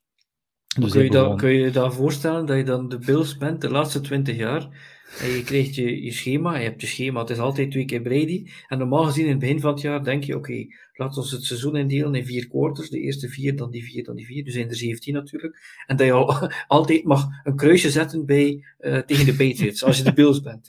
Kruis, ja. kruis. Ja, uit, thuis, dat zal niks worden. Nee, dat is ja, pijnlijk. Brady natuurlijk. Maar dat, dus, dus dat kan je zien dat Tom Brady en Patriots fans eigenlijk wel verwend geweest zijn. En misschien nog één, één interessant fact dat ik zeker ook nog wil weergeven, voor ik naar de laatste vraag van deze podcast wil gaan. Dat is die slide met die uh, earnings. Dus hoeveel geld heeft Tom Brady eigenlijk verdiend? Uh, ja, dank u Rijn. Um, ons logo verbergt het hier een beetje, maar Tom Brady had uh, 200, denk ik, 87 miljoen uh, kunnen verdienen in zijn carrière. En heeft er uiteindelijk 227 van genomen. Dus je, ziet, vanaf 2004 begint hij eigenlijk discounts te nemen of te geven aan het team. En, en dat is volgens mij toch ook deel van het succes van Brady. Die zegt van ja, kijk, ik moet niet per se, en ja, het, hetgeen dat dan, het getal dat, dat hij zijn, zou kunnen verdiend hebben, is als hij de, de, ja, de beste het beste loon eigenlijk kreeg dat een, een QB zou kunnen krijgen. Maar hij gaf dus constant discounts en dat gaf dus eigenlijk de mogelijkheid om voor de rest van het team en dan eigenlijk specifiek die defense te versterken. En dat is in mijn ogen toch zeker key geweest voor het succes van al die, die, um, die Tom Brady Super Bowl wins. Want uiteindelijk, um, ja, het kwam dikwijls op drie punten aan. En dat kan dus maar een paar miljoen gescheeld hebben eigenlijk voor een loon dat ze anders niet zouden kunnen betalen hebben. En dat vind ik toch, dat zie ik niet veel quarterbacks doen. En ik denk dat misschien Patrick Mahomes ook nog spijt van gaat hebben dat hij 50 miljoen per jaar vraagt. Um, dus Frans, dat is toch slim gezien eigenlijk ook van, van Brady. Ja, en toch, toch denk ik dat er uh, op een bepaald moment een breuk gekomen is in de relatie met Belichick. In die zin dat hij die discount uh, eigenlijk ja, praktisch uh, jaarlijks of, of om de zoveel tijd dat hij dat contract heeft, dat hij die gaf. Maar ik denk ook dat er een paar jaren geweest zijn dat hij dan dacht dat er meer had kunnen gedaan worden met dat hij, dat hij eigenlijk had laten liggen. Mm-hmm. Uh, want men heeft al heel veel gezegd dat uh, Belichick de coach top is, maar Belichick de GM, dat hij af en toe is uh, de mist is ingegaan. En ik heb zo'n vermoeden dat Brady wel denkt, met de discount die ik jullie heb gegeven, hadden jullie iets beter nog kunnen doen op ja. personeel en had ik er misschien nog meer kunnen winnen. dat Goed. denk ik wel. Daar is een uh, interessante ja. stat rond. Uh, nu, Brady beïnvloedt die wel een beetje. Zo de, de laatste tien Super Bowls, of het kunnen er misschien meer geweest zijn, um, de winning QB's, in bijna allemaal, hadden een onder een bepaald percentage op de salary cap. Ja. En uh, zo een Rodgers, een, een Wilson nu, een Matt Ryan zitten allemaal boven 10% ja, meeste, of zo. Ja. Meesten zitten nog op een rookie deal als ze winnen tegenwoordig. Ja. En dat is echt, echt buiten Tom Brady dan, wint volgens mij elke QB enkel nog als ze bijna niet betaald worden. En vanaf dat dat groot loon er volgt, ja, dan moeten bepaalde andere belangrijke posities ja, geëvalueerd worden, om, omdat ze dat anders niet kunnen betalen. Um, en dat leidt me tot de laatste vraag, want onze podcast is bijna twee uur bezig. Tight uh, 120. Tijd van 20. Het komt maar één keer om de zoveel jaar voor, denk ik. Uh, ja. En dat is mijn, mijn, mijn vraag. Is hij nu the greatest of all time? En dat is een vraag, die kan je volgens mij, die is multi-interpretabel. Van, is hij de beste voetbalspeler aller tijden? Is hij de beste quarterback aller tijden? Of is hij de meest succesvolle aller tijden? Timo, ik weet niet wat jouw idee uh, over die vraag juist is. Um, ik denk van, als je gaat kijken van, uh, ja, quarterback, dat staat volgens mij um, als een paal boven water. Ik denk dat, uh, oké, okay, er, is, er is wat longevity bij gemengd, maar de greatest ability is availability, dus dat is, ja, dat hoort er nu helemaal bij. Ja. Um, als je kijkt naar, als je zou zeggen, is, is hij de beste speler in de NFL aller tijden? Ja, dan moet je athleticism erbij tellen en dan, dan ja, Nee, ja, nee maar, maar dat, ja. als je kijkt naar de greatest of all time, dat, dat is, dan moet je alles in beschouwing hebben. Dat is dus zowel um, athleticism, als availability, als uh, teamplayer zijnde, als, en als resultaten. En als je dat allemaal optelt, dan komt, dan komt er niemand meer in de buurt. En ik denk dat we dat ook niet meer gaan zien. Als je kijkt in de AFC, de, de spelers die zouden in de buurt kunnen komen, zoals een Mahomes, ja, die heeft nu de, de pech, zal ik maar zeggen, zoals er straks al gezegd. Justin Herbert, Joe Burrow, Lamar Jackson, die gaan elkaar een paar keer um, ja, van, van, van, de, van de troon stoten, zeg maar. Dus niemand gaat halen wat Tom Brady heeft gehaald. Dus die is, in mijn ogen is, is hij de GOAT, greatest of all time. En ik denk niet dat daar echt nog iemand in de buurt van gaat komen. Ik hoop niet dat Frans flauw gevallen is. Nee, hij is ja, verdwenen uit beeld. Uh, nee, Frans, uh, je had het er straks al kort aangehaald. Uh, ik, ik ga al, alvast een caveat uit de weg halen. Hij zal niet de meest getalenteerde quarterback aller tijden geweest zijn, want dan zal hij waarschijnlijk bij jouw darling Dan Marino terechtkomen. Maar ja, zeker ook het, het, het intelligent niveau, het, het, verzorgen van zijn lichaam, het, ja, uiteindelijk toch het optimaliseren van zijn van zijn spelstijl, het, het kiezen van ja, toch de juiste momenten, het, readen van, het lezen van die defense. Die statistieken die we hier zien, 624 passing touchdowns, uh, ehm, 84.520 yards. Um, kunnen we hier de sticker GOAT opplakken voor jou ook? ik dacht door flow te vallen dat ik niet op die vraag ging moeten antwoorden. nee, ik heb Daarnet heb ik sowieso al gezegd, uh, de meest succesvolle American football speler ooit. En wat je hebt is, ja, je kan eigenlijk bijna niet anders zeggen dat hij de GOAT is in die zin dat bijvoorbeeld had, eh, ze vergelijken hem een beetje met Michael Jordan. Hè? Uh, stel nu dat je bijvoorbeeld in leven, dat je al die topspelers, die Magic Johnson, die Larry Bird, die, uh, hoe heet hij nu, LeBron, Michael Jordan, stel, dat je die allemaal hebt zien spelen, mm dan zou je eigenlijk zeggen, die Michael Jordan, dat was de beste speler, maar daarnaast heeft hij vijf of zes keer de NBA gewonnen. Hè. Maar had Michael Jordan bijvoorbeeld maar één keer een NBA-titel gewonnen, of geen, ja, dan ging je zeggen, hij was de beste point guard of, of zoiets. Hè. Maar niet de GOAT. Dat zou je dan niet kunnen zeggen, want ja, championships tellen niet. Nu, het blijft mhm. een teamsport en geen teamsport van vijf basketters of vijf ijshockeyspelers, maar van 53 man. Dus het feit dat hij dat nodig had om dat natuurlijk te, te bereiken, zorgt er wel voor dat hij dat niet volledig op hem kan zeggen van hé. Maar uh, uh, ja, ik, ik heb zoveel quarterbacks gezien in mijn carrière waarvan ik denk, drop die in die situatie, zoals hij gehad heeft, en dat was misschien nog een betere speler dan hem. Dus voor mij, dat, dat is dan het moeilijk om te zeggen, de allerbeste speler ooit, maar wel de meest succesvolle. En ja, eigenlijk als hij dan en uh, het talent heeft dat hij gedaan heeft wat hij gedaan heeft, en al die championships heeft gespeeld, en er dan nog zoveel van gewonnen heeft, ja, ik kan niet anders zeggen dat nog... dat natuurlijk wel de GOAT is. Dat, dat, is wel waar, ja. Een ja dus uiteindelijk toch. Of een ja maar. Ik ga er even op inpikken, want dat is, dat is een argument dat je vaak hoort van uh, zet Rodgers bij de Patriots uh, in de plaats van Brady en die wint er acht. Het is ook um, de coachability van Brady, dat hebben heel veel uh, star quarterbacks niet. Bill Belichick, de eerste training van het nieuwe seizoen, uh, die to Brady daar een new one uh, met al die nieuwe spelers in de, in de locker room en in de, in de film studies en zo. Dat, dat creëert ook een soort dingen van, oh, als ze die en al zo aanpakken, moet ik hier wel gaan zien wat ik ga doen en tussen de lijntjes kleuren en alles doen wat ze vragen. Terwijl als, als je dat met een Rodgers zou doen, ja, dat, dat, dat zou niet werken. Nee. Oké. Uh, we gaan hier stil aan onze Tom Brady tribute afsluiten. Uh, want we hebben dus afscheid van hem genomen. Het seizoen is nog niet voorbij. Frans, nu zondag volgt nog de Big Kahuna, waarbij dat jij en Jurgen Nijs en um, ik denk dat we hier nog ergens wel een, een fotootje hebben van jullie op een, um, een, voormalige Super Bowl. Um, kunnen jullie gaan jullie volgens mij, ja, kijk hier, voor uh, wie aan het luisteren is, ga zeker naar deze laatste minuten van de podcast kijken uh, op YouTube om even deze twee knappe jonge mannen enkele jaren geleden te aanschouwen. En is dat ook in, in Tampa Bay, als ik daar dat ja. piratenschip zie? Super Bowl 43, ja. Super Bowl 43, kijk ja. Uh, ze zijn een, een, beetje ouder geworden ondertussen, maar zitten dus zondag weer voor jullie paraat om uh, de Super Bowl tussen de Rams en de Bengals te becommentariëren.